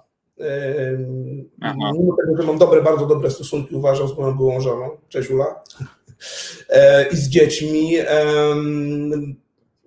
Z przyjaciółmi powoli odzyskuję zaufanie. Wiesz, to nie jest takie proste i to wymaga Mhm. trochę czasu. Ja się No nauczyłem przez ten rok i dwa miesiące nauczyłem się bardzo dużo cierpliwości. Znaczy, czym dłużej jestem trzeźwy, tym więcej e, mam dystansu do tego czasu, tak? Czyli po prostu nie. Mhm. Uważam, że to jest bardzo krótki czas, który, który jestem jakby w trakcie leczenia, tak? Ja uważam, że trakt, to leczenie Mhm. będzie do końca mojego życia i w momencie, kiedy to zaakceptowałem, tą chorobę i to, że po prostu to będzie ze mną zawsze, od tego Mhm. momentu zaczęła się moja terapia. Do tego, do momentu, Robert, było, e, wiesz, jakby Mhm. okupowanie, zakrzywianie rzeczywistości, e, mówienie sobie, że to tylko przerwa, wiesz, to, to jest bardzo... no ja wiem, wiem, naprawdę towarzyszyłem e, tym zmaganiom na co dzień. E, Wiola, nasza słuchaczka, napisała, że jedyny sposób, w jaki może pomóc rodzina, to przestać pomagać. No właśnie, jak ty się na to zapatrujesz? No tak się też stało w moim przypadku, e, bo jednak wiesz, ja byłem uzależniony tak, że to, to moja, moja choroba emanowała na tak wiele sposobów, że to było nie do zniesienia, podejrzewam. I do końca będę wiedział o tym, że postępowałem bardzo źle, tak? E, nie wiedząc o tym, znaczy, wiesz, to jest coś takiego, że czujesz, że coś jest nie tak, widzisz zachowanie, ale no nie wiem, no moim zdaniem na ogół jakby brał nade mną jakby górę, tak? Mm, Mhm, moje, dzieci chodziły, moje dzieci chodziły tutaj y, razem z Ulą na taką terapię jakby współzależnionych, gdzie, gdzie tłumaczono dzieciom, że to nie tata jest y, y, jakby przyczyną tych wszystkich rzeczy, które się dzieją, tylko alkohol monster, który wychodzi z niego po wypiciu alkoholu. Tak naprawdę trzeźwy tata jest okej. E, Wiesz, to się No smutno jak, wiesz, bo to jest, to jest przykre doświadczenie i nie życzę tego nikomu. Wiesz, teraz jest jakby rok czasu, ja mam do tego już jakby inne postrzeganie, nie wiem, też mi czasami trudno o tym jeszcze mówić, ale y, jakby to wychodzenie z alkoholu i jakby postrzeganie tego świata przez pryzmat moich bliskich y, był dla mnie y, szokiem, żeby nie powiedzieć krótko uderzeniem, wiesz, w, w głowę. E, Ale to dalej, wiesz, jakby nie dochodziło do mnie do końca, tak? Mhm. A co się, co się stało? Robert, gdybyś, e, gdybyś e, co- cofnął się no ten, e, ten czas tuż przed twoją decyzją, co się wydarzyło takiego, że stwierdziłeś, że nie, po prostu, że dość? E, wiesz co, ja się już sam ze sobą męczyłem, wiesz, to już było coś takiego, że y, ja miałem ataki, znaczy nie ataki, to nie, nie wiem, ale miałem stany takie depresyjne, nie wiem, jakieś takie, wiesz, od euforii po, e, po stany tak ja nie mogłem sobie po prostu już poradzić, tak, wiesz, niektórzy, niektórzy ludzie uważają, że wiesz, trzeba być twardym, nie, znam ludzi, którzy sobie sami poradzili, ja niestety nie należę do osób, która potrafi wstać i powiedzieć, ja już nie piję. Ja, no, nie potrafiłem tak robić e, i nie wiedziałem, gdzie tej pomocy szukać, wiesz. I to było moje takie, No właśnie. e, wiesz, y, ja się zapętlałem w tym, co robię, wiesz, po prostu y, doszedłem do No takiego tak, no bo momentu, tutaj, kiedy- tak? e, tutaj też dochodzi, prawda, ten taki element, kurczę, że po pierwsze trzeba się przyznać chyba wewnętrznie i po drugie, kurczę, jak zagadać, do kogo, tak jak mówisz, y, uderzyć, no bo my w szkole się tego nie uczymy, prawda, po prostu. Y, Nie wiemy, co, co, co zrobić. Y, Jest takie słowo psycholog, prawda, no ale jest psycholog i jest tysiąc odmian, że tak powiem, psychologii, więc no właśnie, kto ci pomógł? Czy, czy to był jakiś zbieg okoliczności, czy jednak to była konkretna, wymierna pomoc od kogoś, z jakiejś strony, organizacji, ludzi? Jak Wiesz to się zaczęło? y, Mam nasza wspólna przyjaciółka moja i Uli y, pracowała w jakby w gminie, tutaj tak zwanej komunie i mówiła, że są po prostu, trzeba się zgłosić, Y, wiesz, nikt cię tutaj za rękę nie będzie wyprowadzał. I ja mm, zacząłem jeden odwyk, z którego mnie wyrzucili, nie byłem na to gotowy. Mhm. Zacząłem drugi, który był dziennym odwykiem i po tym drugim odwyku stwierdziłem, że ja wszystko wiem na temat picia. To znaczy się wiem, kiedy pić, tak? Aha, Klasycznie. Ale to było po prostu jakby, po- wiesz, to, to, to jest takie odwlekanie wyroku, tak? Wiesz. y, No i był taki moment, kiedy wylądowałem y, w szpitalu i przyszła właśnie po mnie moja była żona, przyszła Ula ze swoją przyjaciółką, z naszą przyjaciółką, z Asią i wtedy po prostu stwierdziłem, że już dalej tak y, to już nie da rady i poprosiłem Ulę, żeby po prostu mi pomogła sobie z tym poradzić. No i generalnie ona mnie zaprowadziła do do gminy, gdzie jest po prostu wydzielone miejsce, znaczy jakby dział dla ludzi, którzy chcą się leczyć, tak? No i w, y, tam jest pani, jak to się mówi po duńsku, alkohol behandler, czyli ona jest jakby opiekunką twoją i stara się zrozumieć, co tobie, co tobie dorega i do jakiej, do jakiej instytucji ciebie dopasować.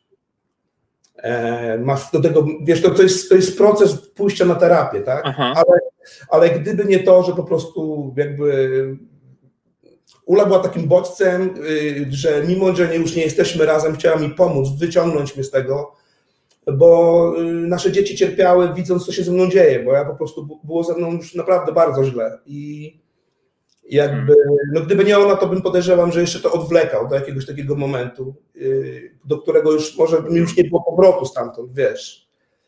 E, no rozumiem. Tak. Uważam, że to było ten taki przełom, to był moment, kiedy poszedłem y, do, do tego ośrodka i wiesz, i zacząłem rozumieć, docierać do mnie, że muszę to, muszę to zrobić teraz.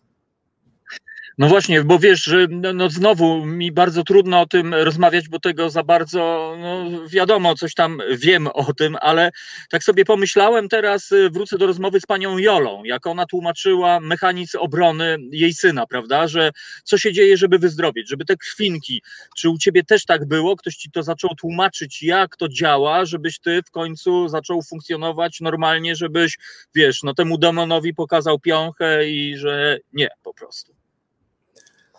No tutaj wiesz, jakby to są jakby dwa inne, wiesz, jakby dwie inne choroby. Nie, nie, nie można porównywać chorób, człowiek chory jest po prostu, wiesz. I, nie, no jasne, jasne. Ale e, wiesz co, to jest też był proces, bo ja poszedłem na, e, na odwyk zamk, zamknię, półzamknięty, gdzie byli sami Duńczycy, wszystko było po duńsku. Więc wiesz, ja to traktowałem, no jest ciężko zrozumieć, wiesz, jakby tym bardziej, że to było na Fioni i oni mówią zupełnie innym akcentem niż w Kopenhadze, więc y, było strasznie mi trudno to e, zrozumieć. Nie, wiesz, jakby nie rozumiałem, co oni do mnie w ogóle mówią, nie? No I tak. wiesz, automatycznie zakładał mi się taki bunt, wiesz, kaptur i poczekam dwa tygodnie i potem to jakoś przejdzie, nie? Czy wiesz, wytrzymam tutaj trzy miesiące, wyjdę i będę dalej robił swoje. Nauczę się pić inaczej.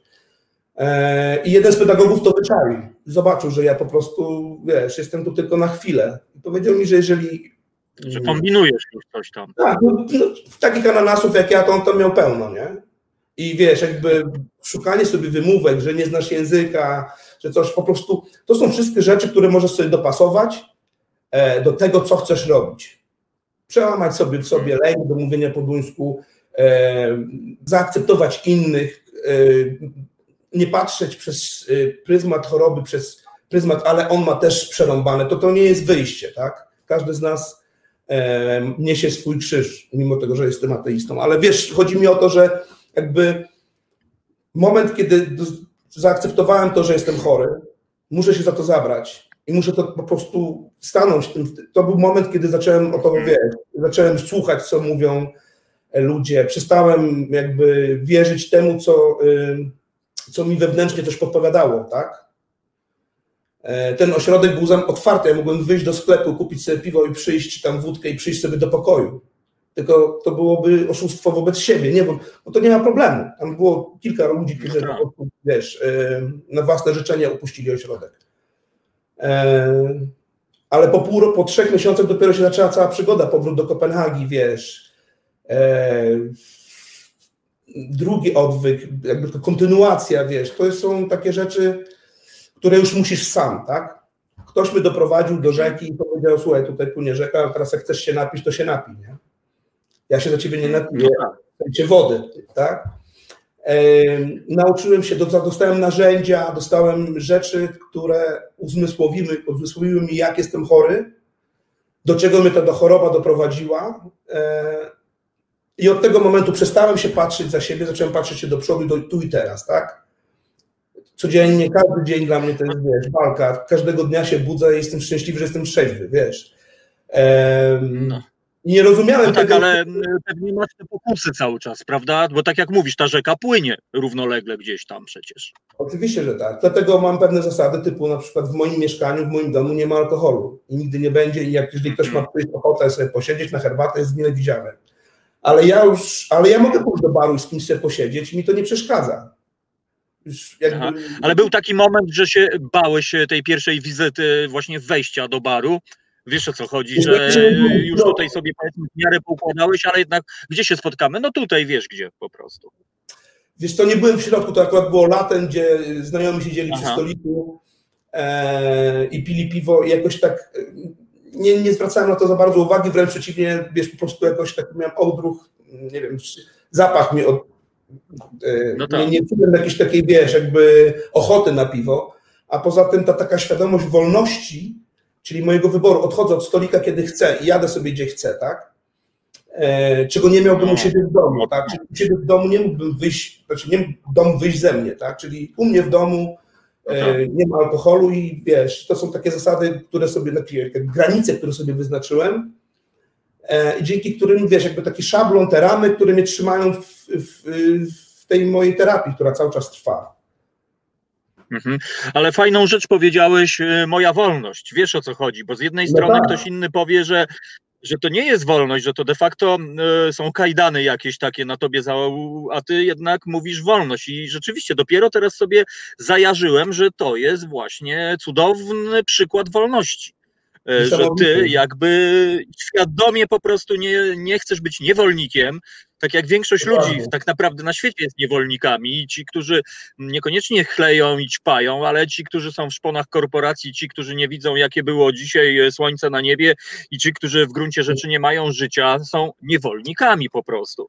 E. Są też niewolnicy substancji i innych historii. Ty przywołałeś e, wolność. No to jest, Robert, naprawdę ogromny szacunek i moim zdaniem no udowadnia, że masz niezły, że masz no, charakter po prostu, wiesz, roki pięć po prostu. Dziękuję bardzo, ale uważam, że to jest początek, wiesz, yy, początek jakiejś drogi, Mhm. która, wiesz, jest yy, dla mnie niesamowicie jakby ekscytująca, tak? E, Reakcje Mhm. moich dzieci, jakby, wiesz, widzieć, jak, ja, że widzą we mnie kogoś innego, to jest, wiesz, to jest Aha, taka nagroda, to jest naturalny kop, którego nie można porównać do niczego, wiesz, i wiesz, od razu człowiek widzi inny sens życia i ta wolność właśnie, o, której mówi, jakby to jest umowne, że nie, nie, wiesz, kiedyś nie zdawałem, nie zdawałem sobie z tego sprawy, że ja musiałem mieć to alkohol w domu, e, że musiałem gdzieś Mhm. pójść, musiałem też, moje całe No życie tak. było prostu podporządkowane czemuś, e, czemu generalnie, czego nie zauważałem, że jestem właśnie niewolnikiem substancji, czy to, wiesz, psychoaktywnych, czy to e, alkoholu, tak? I w momencie, kiedy Mhm. wiesz, wybór i wiesz, że y, możesz iść do sklepu i nie ciągnie cię na alkohole, albo na przykład mijasz je i zupełnie nie znaczy, wiesz, nie, nie, jest ci to potrzebne, Mhm. to jest, wiesz, takie, czujesz się sam pewny, tak, sam sobie zaczynasz ufać. E, Robert, e, a wiesz co, bo ja sobie przypominam, jak zmagałem się z moim, co prawda, no nędznym e, na- nałogiem typu nikotynizm. Kiedy udało mi się to rzucić, to ja stałem się takim radykalnym, wiesz, neofitą. Każdego od razu e, chciałem, rzucaj to palenie, stary, w ogóle co ty robisz? E, czy, czy zaliczyłeś taki moment, że kiedy widziałeś, że kto komuś być może nie służy jednak to picie, albo że ono w tym momencie jest bez sensu, e, starałeś się, nie wiem, e, e, być takim e, pro, pastorem, wiesz, takim wielebnym Robertem, czy raczej e, odpuszczasz i, skupiasz się jednak na... Tak, na, to w moich ustach, wiesz, mówienie komuś, że ma być trzeźwy, to jest kiepski żart. E, w sensie tak, Okej. no nie, nie, nie, nie teraz i nie, nie czuję się, żeby kogoś pouczać i mm, wydaje mi się, że jakby każdy z nas wie, co robi, każdy z nas. Ja chyba byłem takim po prostu jakby ewenementem, jeżeli chodzi o, o, o, o spożywanie i o używki i o swoje zachowanie ogólnie. Em, No nie, wszystkich, nie, nie dla wszystkich jest alkohol i dla mnie na przykład ja jestem alergikiem, bo okazuje się po wiesz, dwudziestu kilku latach picia się dowiedziałem, że jestem alergikiem Aha. na alkohol. Lepiej No późno niż wcale, ale E, nie, nie mógłbym na przykład komuś powiedzieć, ej, za dużo pijesz czy coś, yy, bo właśnie bałbym się tego, że ej, bo ty jesteś taki mądry, bo jesteś trzeźwy i nie będziesz mi tutaj dawał dobrych rad. Wolałbym tego nie robić, Aha. nie? Aha. no, E, nie- Robert, nie wiem, czy wiesz, E, Cały czas y, na YouTubie są komentarze naszych słuchaczy. Tam się cały czas y, dyskusja niezła y, rozkulała. No Beata zadała dosyć y, takie osobiste pytanie. Jak wyglądało twoje picie? Czy to było takie picie typu y, dzień w dzień, nie wiem, dwa, trzy piwka wieczorem? e, Technicznie, brutalnie mówiąc. No bo wiesz, każdy albo wiele osób się zastanawia, nie? Czy jak ja piję te dwa piwka po robocie albo trzy, czy to jest ten y, moment? Czy to jednak u ciebie było, że jednak no wszystko, wszystko było przy, przez pryzmat Znaczy, moje picie było po prostu jakby. E, jakby to powiedzieć, to picie mówiło mi jak żyję, a nie ja mówię jak żyję. To, było zupełnie A. wszystko uporządkowane pod picie, rozumiesz? To ja mogłem równie dobrze wypić sześć piw i mieć dosyć, ale to nigdy się tak nie robiło. Ja generalnie miałem zaplanowany dzień pod kątem picia, rozumiesz? Aha. E, czyli wiedziałem, że na przykład robiąc jedzenie, to szedłem najpierw na wina, zobaczyć co za wino będzie, będę pił, do czego to co będę jadł. E, Aha, tak zwane picie, e, picie planowane to jest, tak? E, Aha. Wydaje mi się, wiesz, jakby. No nie wiem, generalnie, no i okazja czyni zł- złodzieja, tak? Sam sobie wymyślałem powody, dla których mógłbym się napić. Czy to był smutek? No, Picie. no tak, no. Więc generalnie, Tak. wiesz, y, źle się czuję, to się napiję. Robert. To też się No tak. napiję. E, No tak, tak. No ten mój kolega, wiesz, którego nie ma, nie ma już, on był też hazardzistą niestety i on dla odmiany, wiesz, nawet ptak narobił, to był znak, że do kasyna trzeba lecieć. Wiesz o co No, chodzi? dokładnie. Dokładnie szukał, szukał tych znaków, wiesz, wiesz i, i leciał. Robert, a powiedz mi, e, wtedy, kiedy byłeś e, innym Robertem, e, czy ty byłeś samotnym Robertem? Tak naprawdę w tym wszystkim? Wiesz co, przez pewien W czas twoim piciu, w twoim locie? Przez pewien Aha. czas nie, ale potem, jeżeli jak już wiesz co, ja się sam odsuwałem, wiesz, ja sam już jakby Aha. izolowałem się od tego wszystkiego, od moich przyjaciół się izolowałem przez, ym, przez alkohol, przez dragi i wiesz, to była samoizolacja połączona z narzekaniem na samotność, wiesz, e, użalaniem się nad sobą, e, wiesz, e, wymyślaniem Nie, no sobie ja wiesz, py- pytam też o to, bo, bo mam, nie wiem, no, e, kiedy rozmawiałem ze znajomym heroinistą, to on mówi, że to jest, że tak naprawdę to jest, on jest sam w tym wszystkim tak naprawdę, e, że, no, że to już tak, ta, ta choroba tak e, robi, że człowiek jest sam po prostu z wielu powodów. No dobra, to zostawiamy ten temat. Ja wiem, że ty masz niezłe grono wsparcia, grono przyjaciół, bo Sławek, nasz wspólny znajomy, no, kiedy z nim rozmawiałem i, i, i nakierował mnie tak naprawdę na ciebie, no to wiesz, on mówił z takim, kurczę, że to życiowa sprawa, że jesteś kimś cholernie ważnym i e, czy ty odczuwałeś, że jednak są, że, że są ludzie, którzy w ciebie wierzą? Czy, czy to w ogóle było ważne? Czy to czułeś? Czy dopiero teraz do ciebie to dotarło? Mm, Wiesz co, to wszystko jest jakby, to wszystko ewoluuje, tak? E, przyjaciele zawsze byli dla mnie ważni i są ważni. I właśnie w momencie, kiedy wiesz, zaczyna się ta izolacja i zdajesz sobie sprawę, że jeden, jed- nie jedna osoba, ale dziesięć po prostu nie ma ochoty z tobą przybywać, bo jesteś niefajny, krótko mówiąc. E, I kiedy od, od, wiesz, jakby wracasz z powrotem z tych zaświatów i widzisz tych ludzi, którzy do ciebie piszą, do mnie pisali w momencie, kiedy byłem na, e, na odwyku, E, to bardzo jest ważne i wiesz, pomaga to nawet jeżeli nie mam ich jakby wokół siebie, ale wiem, że są gdzieś. Mam bardzo dużo grono znajomych i w Danii, i w Polsce i wiem, że zawsze mi kibicują. Chciałbym ich serdecznie pozdrowić, bo naprawdę wie, wiedząc, wiesz, mają świadomość tą, że mogę do nich zadzwonić, czy powiedzieć coś, czy, czy, czy wie, zapytać się o coś, czy nawet powiedzieć o takim głupim sukcesie, jestem pół roku trzeźwy, wiesz, dla mnie to jest fajne. E, pochwalić się tym, że czy usłyszeć, ej, fajnie, jesteś, wiesz, fajnie się z tobą rozmawia, tak? Już, już e, nie już głupot, tak? Wiesz. E, No tak. To, jest, to jest mega wsparcie i to daje też takich Aha. sił, bo nagle okazuje się, że dzieci do ciebie lgną, przyjaciele chcą z tobą rozmawiać, wiesz, utrzymują z tobą kontakty. Mm, Na początku jeszcze tak czasami odczuwam taką jakby barierę, wiesz, y, boją się mnie gdzieś zaprosić, bo będą pić i jak ja zareaguję, bo przecież Tak. jak była impreza, No to wiadomo, tak, tak, to jest takie tabu, wiesz, po prostu nie wiemy, co to taki będzie. ostracyzm lekki, wiesz. Tak, tak, tak. No to jest niesamowite. Viola napisała, że, że alkoholik niepijący brzmi dumnie i że to mocarze są i że podziwia.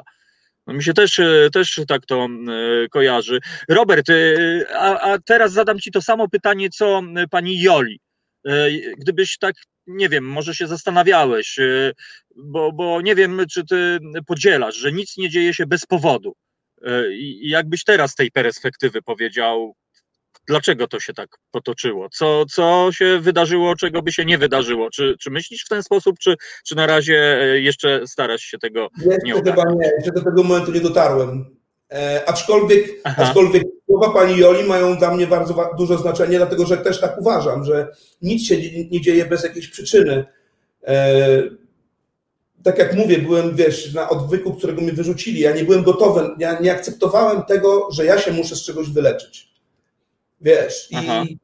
i, i wiedziałem, że to nie był ten czas. I, i teraz jak byłem, e, teraz jak, no, no przypuśćmy, e, jak byłem rok temu, zacząłem to, to, to całe leczenie i ktoś by mi powiedział rok temu, że ja będę teraz siedział i o tym rozmawiał swobodnie, to bym w życiu, w życiu bym to nie uwierzył. W życiu bym nie uwierzył w to, że e, przez gardło mi przejdzie powiedzieć, że ja jestem alkoholikiem. Wiesz. E, no, to tak nieraz to na filmach widzieliśmy, prawda, że tam kochamy cię po prostu. Także to, jest, to jest naprawdę to jest no jestem e, pod wrażeniem, Robert, e, tego, co e, mówisz, no bo no, to zresztą widać no, w Twoich oczach, że, że Ty rzeczywiście tam być może to, po co się wydarzyło, jeszcze się nie wydarzyło, że, że może za jakiś czas przyjdzie do nas Roberto i, i wtedy powiemy, a pamiętasz wtedy, no niesamowita historia.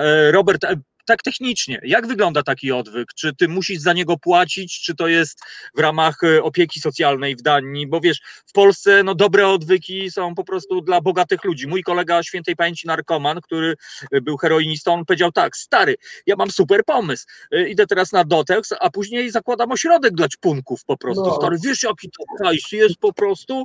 No ale niestety się wylogował. No. Jak to w Danii wygląda? E, w Danii wygląda to w ten sposób, że za wszystko płaci gmina, tak? Aha. Bo jesteś traktowany jako osoba chora. Czyli idziesz na chorobowe. Proszę.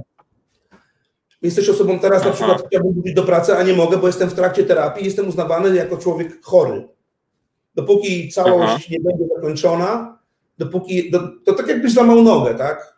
Może troszeczkę no inaczej. Tak. Sobie łamiesz duszę. Ale no jesteś traktowany jako osoba, obywatel chory, i teraz państwo płaci za, za Twoje utrzymanie, za terapeutów, za to, żebyś Ty wrócił do normalności, dlatego że Aha. im się, państwu duńskiemu, lepiej się opłaca Ciebie mieć zdrowego, niż płacić Ci do końca życia za to, że będziesz chory lub przewlekle chory.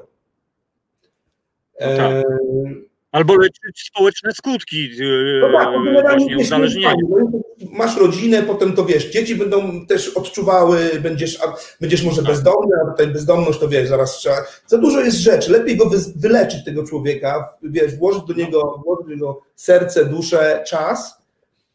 I no. ja ci powiem szczerze, że po tej terapii jestem w stanie przenosić w sensie góry, jeżeli tylko dostanę hmm. propozycję pracy, idę do, od razu, bo czuję się na siłach psychicznie, fizycznie, wiesz, zacząć coś, jakby swoje życie od początku.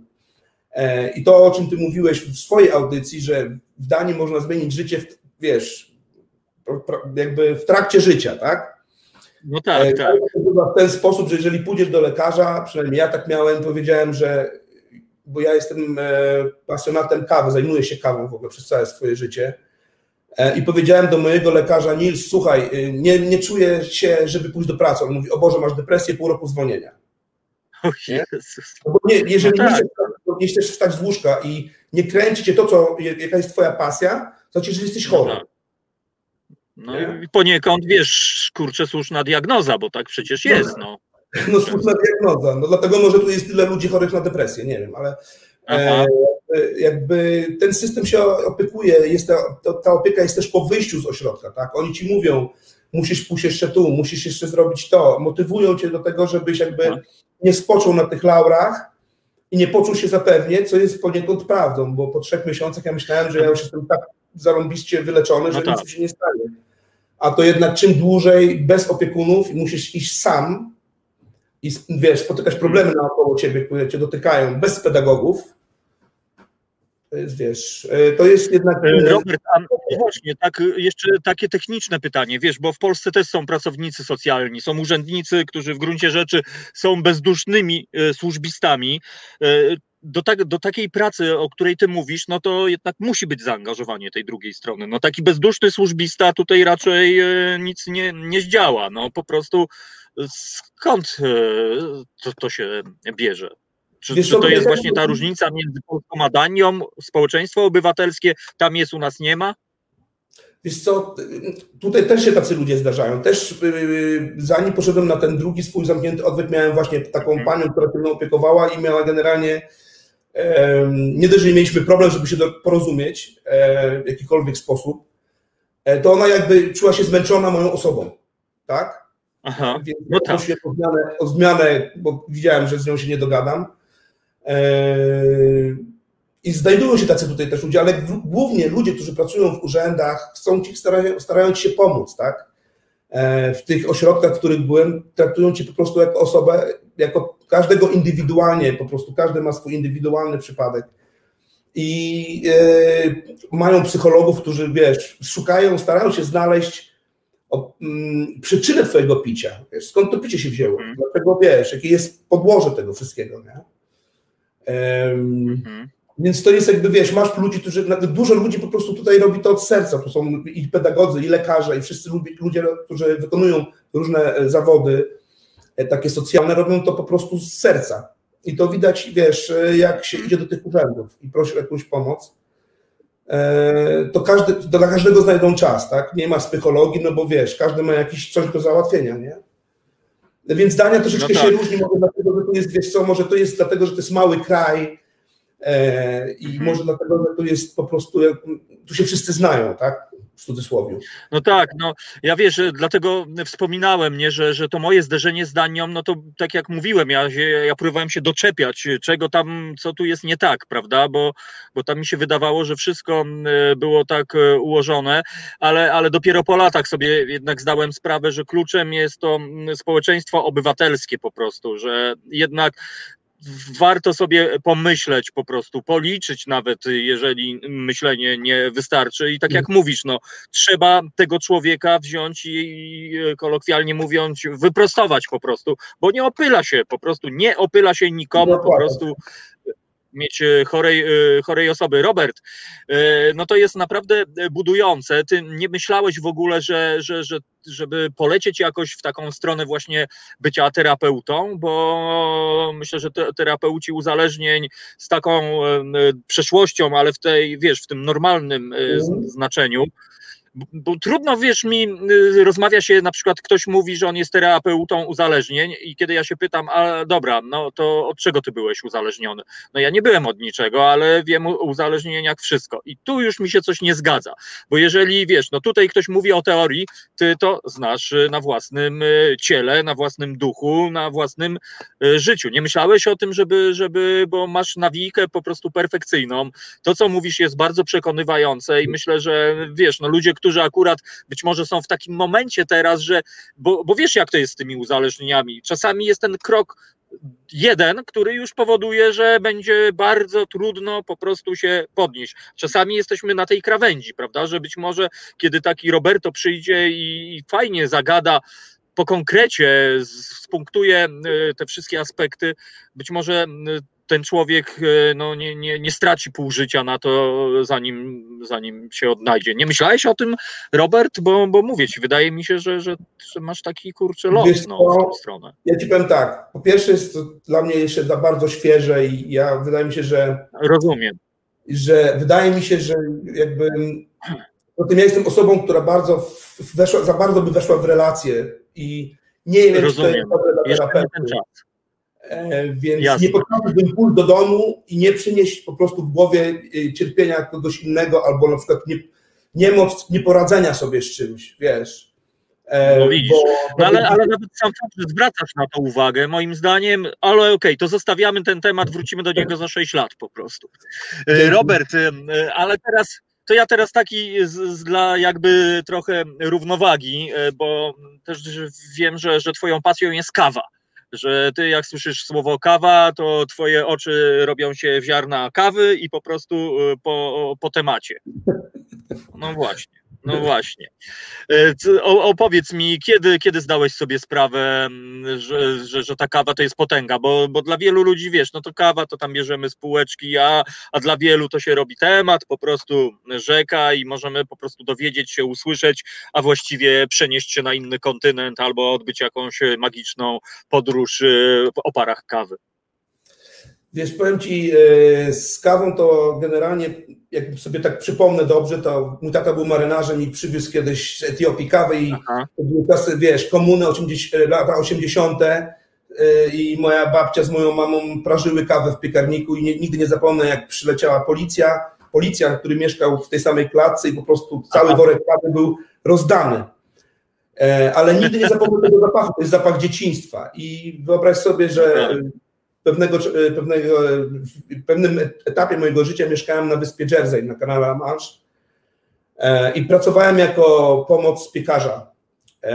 I tam była maszyna do palenia kawy. I tam był człowiek o imieniu Denis Irlandczyk, który tą kawę właśnie, wiesz, prowadził proces palenia i ten zapach i po prostu to wszystko, mówię sobie, coś niesamowitego. Muszę, muszę się dowiedzieć czegoś więcej i klik. I to po prostu poszło, wiesz, y, niesamowicie, y, jakby czym więcej wiem o kawie, tym mniej. O, w ten sposób. Aha. Może dlatego mnie to pasuje. E, nie... I, i, I wiesz, i mógłbym o kawie rozmawiać godzinami. E, ale tak, jest to moja pasja. Generalnie to też był powód moich kłopotów z uzależnieniem. Bym to w jakoś, w jakiś sposób nie, nie powiedział, że to było powodem, ale jakby Aha. Zazębia się w moim życiu właśnie temat, temat pracy przy kawie plus, ale to nie, że szmuglowałem czy coś. Nie, nie, nie. A, no właśnie, bo ja już to tak się zaciekawiłem, nie, wiesz, że już jakiś... Nie, nie, nic takiego, okay. nic takiego. To bardziej chodziło, wiesz, o, o um, miejsce i ludzi, z którymi pracowałem, wiesz. Rozumiem. No Duńczycy są dosyć y, frywolni i jak to się mówi, swobodni, tak? E, nie Aha. ma jakiegoś, wiesz, jakby, a praca roastera to była taka praca, gdzie generalnie no, mój szef to był mój kumpel. Wiesz, to jest takie, gdzie te rozmy, rozmywają się relacje, e, nie ma no jakiegoś, tak. wiesz, jakby strach albo respektu, wiesz. Hmm. Ale jeżeli chodzi o kawę, Ania jest jednak, wiesz, niesamowita, jeżeli chodzi o kawę. Jest tutaj dużo miejsc, dużo palarni. Tutaj ta kultura, którą w Polsce nazywa się Nordic Roast, czyli taka, wiesz, Norwegia przoduje bardzo w takich jasnych rodzajach palenia kawy, e, więc no jest tutaj bardzo dużo miejsc, gdzie możesz pójść na kawę i praktycznie w każdym miejscu napijesz się dobrej kawy, tak? No dobrze, Robert, a jak byś w takim razie takiemu amatorowi jak ja, od czego powin, powinienem zacząć swoją przygodę z kawą? Bo wiesz, no, no to u nas idzie się do Biedrony, patrzymy, tam na półce jest sześć po prostu gatunków kawy, bierzemy tą jedną na M, czy tam drugą na coś tam, na J i, i, i pijemy kawę. No, jak byś, e, e, co byś powiedział, że, żeby ktoś odkrył potęgę kawy, nie? Bo, bo ona mnie nie przekonuje ciągle. Ja bym, jeżeli, co, co należy jeżeli taki...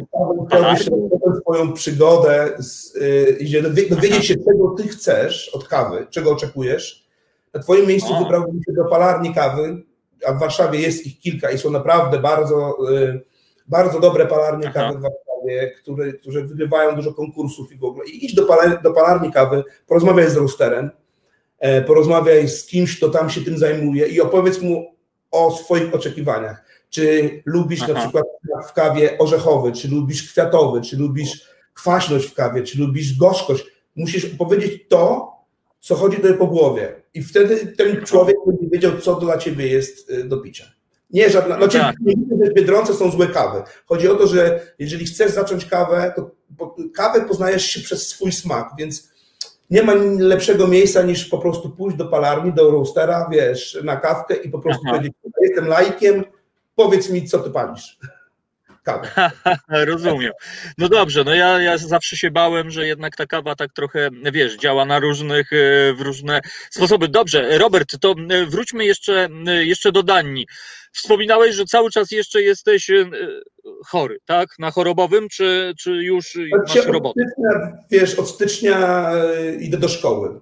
Generalnie zaczynam się kończyć duński po 14 latach jednak wiesz, e, warto po prostu by ten język poznać. E, I podejrzewam, że dużo ludzi zaraz zapyta, 14 lat nie, nie mówisz po duńsku. Odpowiedź jest bardzo prosta. W Danii jakby jak przyjechałem do Danii, zacząłem pracować notabene w palarni kawy, takiej bardzo małej palarni kawy, to właściciel tej, tej, tej firmy powiedział, po co ci mówić po, po duńsku, to jest tylko 5 milionów ludzi mówi po duńsku, to nie, nie ma potrzeby. E, więc generalnie, i, i, wiesz, można się z tym zgodzić, bo wszyscy generalnie mówią po angielsku. E, ale w dłuższej perspektywie, wiesz, jakby potem zaczął, wiesz, tu praca, tu jednak imprezy, nie ma człowiek czasu, a poza tym umysł jest za bardzo zawalony, e, żeby przyjmować wiedzę, jaką jest język duński, a uwierz mi, jest to język bardzo skomplikowany. E, No, miałem okazję się przekonać. po prostu ogarnięcie tego, po prostu stwierdziłem, że daję sobie teraz moment, kiedy idę do szkoły i zabieram się za duński, tak wiesz, na fest. To jest mój następny jakby e, cel, tak? Czyli wiesz, pokonywanie, Robert. pokonanie alkoholu, ale e, to jakby powoduje we mnie, że wyznaczam sobie następne cele, wiesz, żeby do czegoś dążyć przez cały czas, żeby, żeby nie być takiego, wiesz, o, nie piję rok, jest zajebiście. To tak nie działa. Musisz, ja sobie wyznaczam cele, Mhm. tak? I na przykład muszę, y, y, przy, przy, przypuśćmy, ograniczam cukier, nie chcę po prostu y, używać cukru, chcę pójść do szkoły. Wyznaczam sobie cele, do których będę sobie dążył. Rozumiem. No, I tak jak Jola, wolno, powoli, nie, nie, wiesz, nie spieszyć się. Ja kiedy, kiedyś bardzo wszystko chciałem teraz, zera, zaraz. No A tak. nauczyłem się, że przez to teraz i zaraz bardzo dużo tracę. Mm, Więc robię wszystko Mm. powoli. Chcę się zabrać za szkołę. Myślę o tym, żeby jakby nauczyć się czegoś, e, co oprócz kawy będzie mi sprawiało przyjemność. Bo jednak, Aha. e, bo jednak jeżeli mam taką okazję, a mam, e, stwierdziłem, że ogarnę duński, pójdę uczyć się czegoś, co może jeszcze mi się w życiu przyda, a kawa sobie może poczekać. No jasne. Robert, jeszcze wrócę do Danii. Powiedz, czy tam są jakieś takie problemy społeczne, socjalne, które rzeczywiście są na tyle wyraźne, że, że mogą e, być istotne? Czy, czy system jakby socjalny Danii jest taki, że gasi w zarodku wszelakie no, nie, nie, niedobre historie? Wiesz, no pije na przykład do tego, że w Warszawie mamy 6 tysięcy osób w kryzysie bezdomności, wiesz, europejska stolica i ludzie nad Wisłą śpią w namiotach na przykład, E, że są seniorzy, którzy nie mają na e, leczenie i tak dalej, że właściwie na każdym kroku mamy przykłady tego, że system kompletnie nie działa. Czy w Danii ty e, widzisz coś takiego, jakieś takie m, obszary, gdzie państwo nie daje rady? Tak, ja na takim obszarze mieszkam. E, To się nazywa ghetto lista. E, Jak wiadomo, ghetto lista, tak. Ja mieszkam e, w miejscu, które jest położone w dzielnicy Narbro, Norbro, zasiedlone przede wszystkim przez emigrantów z różnych części świata. No ja na razie z tego, co tak się zorientowałem, bardzo dużo Palestyńczyków jest, 80%. Aha. Ludzie y, z Somalii, oni stanowią jakby trzon tego, tej, tej dzielnicy. Tutaj się ludzie przyjeżdżają, boją się przyjeżdżać i to jest, wiesz, na liście getto, oni wyznaczają Duńczycy jakby getto listę pod kątem ym, ile, osób było aresztowanych, edukacja, y, ile osób nie pracuje i, i w ten sposób ta dzielnica, w której teraz jestem, w której mieszkam, e, jest wciągnięta na taką getto listę i, i ludzie przeciwko temu protestują, bo uważają, że to jest dyskryminacja i rasizm. Tak? No tak. Z drugiej strony tak, ale powiedz, czy widzisz rzeczywiście y, y, te rzeczy, o których mówisz, że jest niebezpiecznie, że nie wiem, są gangi, morderstwa, Nie. kradzieże. Znaczy, wiesz co, u mnie są gangi, ale oni mówią dzień dobry. Wiesz, to jest coś takiego, że mają złą reklamę na zewnątrz, ale mieszkając tu, ja wiesz, y, mam bezpieczniej tutaj niż w mieście, szczerze mówiąc. Chociaż uważam, że No w Kopenhaga tak, no, wcale nie jest niebezpiecznym miastem. Y, Złą sławę po Aha. prostu ma od kilkunastu lat przyczepioną łatkę getta i wiesz, a tak naprawdę to... Wiesz, jak ktoś szuka problemów, to je znajdzie wszędzie, czy będzie to Kopenhaga, Berlin, czy... Ależ oczywiście. E, Ależ tym oczywiście, no to jest jest- nastawiony do, bo tutaj oni się jednak oddzielają sami, wiesz, to jest problem z asymilacją w tych różnych gettach, wiesz. Aha, Ja chyba dostałem mieszkanie w tym miejscu dlatego, że mam dziwne nazwisko jestem biały, nie? No to już taki żart, ale wiesz, e, jakby no ja, wiesz, no, ja uważam, że jest tutaj jest dużo problemów, z którymi państwo sobie nie radzi. No, mieszkaniowy problem jest Aha. bardzo poważny w Danii. Mieszkania są ekstremalnie drogie i nie na każdego jest stać, a budują na potęgę, Aha. wiesz. I, i, więc jakby oni chcą przykryć jeden problem drugim. Wiesz, jakby rozumiem. Widzę, że w tym, w tym momencie jest debata na ten temat i, i jakby śledzę ją, bo jestem na takiej grupie, żeby, przez, żeby przestali w- ludzi obarczać, że mieszkają w getto liście, no bo to nie jest nic ani zabawnego, ani śmiesznego, ani tym bardziej No tak. godnego do pochwały, tak? No tak, a może, by, a może stygmatyzować, prawda, że ty jesteś stąd Mogę i stygmatyzować, no. Ja się z tym spotkałem, gdzie mieszkam. No mówię, gdzie mieszkam i nagle, o Jezu, gdzie ty mieszkasz? Ja mówię, no, ale no, nie przejmuj się, ja mieszkałem na Grochowie pół życia, tam to No. taka słaba dzielnica Warszawy, gdzie też moi znajomi mówili, Jezu, gdzie ty mieszkasz, Tak, chłopie? Ja tak. Mówię, no co? Najlepsze miejsce na świecie. E, Robert, e, nie, e, to jest nie, niezła historia, o której ty mówisz, ale też zobacz, powiedziałeś, jest debata czyli e, ten problem gdzieś e, nie tylko ty go zauważasz e, i fajnie, że o tym się mówi, że o tym się dyskutuje, czyli to jest kolejny po prostu taki element, którego u nas nie ma po prostu. U nas jak jest debata, to jest debata polityczna po prostu. Nie ma debat o tym, co zrobić, żeby właśnie, nie wiem, zlikwidować problem bezdomności, biedy, dyskryminacji i tak dalej, i tak dalej. No i, i, tak sobie myślę, jak z tobą gadam, jaką my mamy ogromną drogę po prostu, jako polskie społeczeństwo, stać się społeczeństwem obywatelskim. I nie wiem, czy ja się doczekam w ogóle. Wiesz co, ja ci powiem też z perspektywy patrząc jakby z zagranicy, znaczy z Danii, e, to powiem ci, że tak wiele, tak blisko jest, jesteśmy, a tak daleko, Aha. tak wiele nas różni. Moim zdaniem lata świetlne, no to wiesz, jakby o podziale, o, o rozdziale kościoła od, od, jakby od państwa, to najpierw wspomnę, bo to jest temat na, wiesz, rzeka, no tak. który mógłbym tutaj przetoczyć, tak, tak. ale społeczeństwo obywatelskie, wiesz, tutaj ludzi kiedyś jeden polityk nauczył, to tak jakby kończąc naszą rozmowę, taką anegdotę ci powiem o polityku, który, wiesz, bo populizm jest wszędzie, tak? I, przy, i, i przybiera różne formy. W Danii był kiedyś poli, był taki polityk, populista oczywiście, powiedział, że jeżeli na niego zagłosują, to w każdą niedzielę będzie świeciło słońce, a jak będziesz jechał na rowerze, to wiatr będzie ci wiatr w plecy. No bo tutaj jest tak, że jak jedziesz na rowerze, to ci wieje w twarz, nie? Wracasz stamtąd, no tak, tak. Wieje, wiesz, i to wkurza wszystkich, nie? No więc oni wszyscy na niego zagłosowali. No fajnie, no w niedzielę będzie słońce i będzie wiatr w plecy. No perfekcyjny facet, nie? Idealny. Właśnie, czy to był Polak? Jakby taki jego, tak, jego hepenik i on wszystkich zaprosił na, e, na mm, plac ratuszowy i za wszystko kupił e, te hot dogi i piwo, nie? rozdał te pieniądze bo tutaj wyborcy dostają, y, ci, co są wybierani, dostają jakieś tam, wiesz, fundusze, tak, na, działa, na działalność, ale po, jakby obnażył w sposób zabawny, że możesz gadać głupoty, a i, i, będziesz w tym parlamencie decydować za ci, tymi ludźmi, którzy stoją za tobą, tak? Czyli za tymi wyborcami, oczekują, no był oczywiście happening.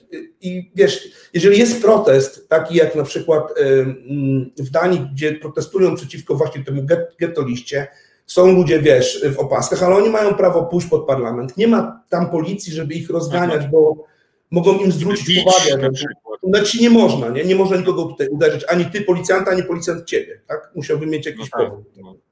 E, więc jakby tu jest ten, taka zależność, wiesz, każdy jakby, to, to społeczeństwo obywatelskie, które ja zastałem tu, jest budowane od wielu, wielu lat i słysząc y, niektórych moich znajomych i przyjaciół, no tak, ale oni nie mieli wojny, to jest takie głupie wytłumaczenie, bo to jakby społeczeństwo obywatelskie budzi się no tak. oddolnie i to nieważne, czy była wojna, czy nie było wojny.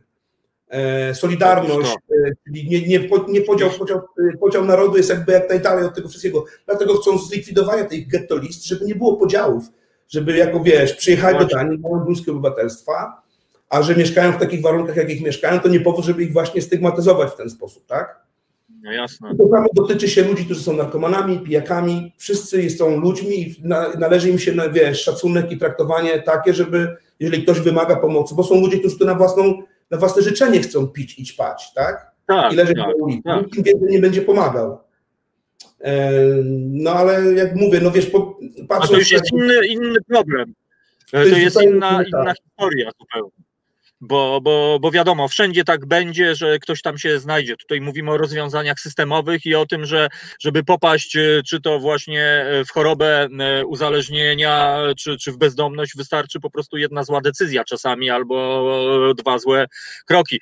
Robert, ale to jest rozmowa na, na kolejną okazję spoglądam na zegarek, no przeleciało w okamgnieniu. Bardzo Ci dziękuję, życzę, trzymam kciuki i wiesz, no i będziemy cyklicznie, mam nadzieję, się e, e, widzieli i słyszeli. Ja Cię bym chciał, jeśli nie miałbyś nic przeciwko oficjalnie mianować naszym duńskim łącznikiem po prostu. proszę bardzo. E, I, i więc wiesz, no widziałeś, czy, czy dzisiaj się rano budząc spodziewałeś się, że zostaniesz duńskim łącznikiem? Chłopie, po prostu, co za historia. Bond, ale niech, dobra, niech będzie. Zgadzam się. No dobrze. Przyjmuję Bądź naszym e, dobrym duńskim e, łącznikiem. Robert Szymanowicz e, Rodriguez. Wszystkiego dobrego, Robert. Bardzo, bardzo Ci dziękuję. Cześć. Trzymaj się. Dziękuję. Cześć, E, dzięki. Co za spotkanie, e, drodzy słuchacze. To jest Reset Obywatelski, dobra pora. E, Roberto jeszcze jest z nami. Spoglądam na komentarze. Robert, jeszcze zanim będziesz, to pamiętaj, na YouTubie po prostu non-stop hulały komentarze. Tak więc A, jak sobie okej. wejdziesz na YouTubie w Reset Obywatelski w dobrą porę, te komentarze ci się wyświetlą. Tak więc będziesz miał Super. jakby feedback i i flashbacki. E, Wszystkiego Dzięki dobrego. Ola Ci życzy. Wszystkiego dobrego dla Pana Roberta. Siły i e, wytrwałości. Cześć, i to jest e, Pani Dzięki Olu, bardzo. kochana. Bardzo dziękuję. E, Teoretycznie się nie znamy, a, ale wierzymy, że to są słowa od serca i, i to jest po prostu najcenniejsze, bo, bo to tak naprawdę działa i jest w obiegu. Reset Obywatelski, Tomek Konca, Radio Konca. Ja bardzo Państwu e, dziękuję e, za obecność, za to, że byliście z nami i na sam koniec przygotowałem utwór muzyczny, proszę Państwa, francuskiego giganta sceny Ragamuffin, Tribuman. E, No i to będzie Concao Feat e, Tribuman. e, Specjalnie dla Was, a ja się pożegnam już za chwilę. Tomek Piątek w poniedziałek o e, 19. Tomek Konca, Radio Koncao, Reset Obywatelski. Bardzo Państwu dziękuję. Gdyby ktoś chciał jutro, to o 15 na Radio Koncao będzie Radio Koncao. E, A teraz specjalnie dla Was Tribuman. Pytaliście się, kto realizuje. Krzysiu oczywiście realizuje. Tak więc Krzysiowi bardzo serdecznie dziękuję. Bardzo serdecznie raz jeszcze pani Joli z Fundacji Iskierka również dziękuję.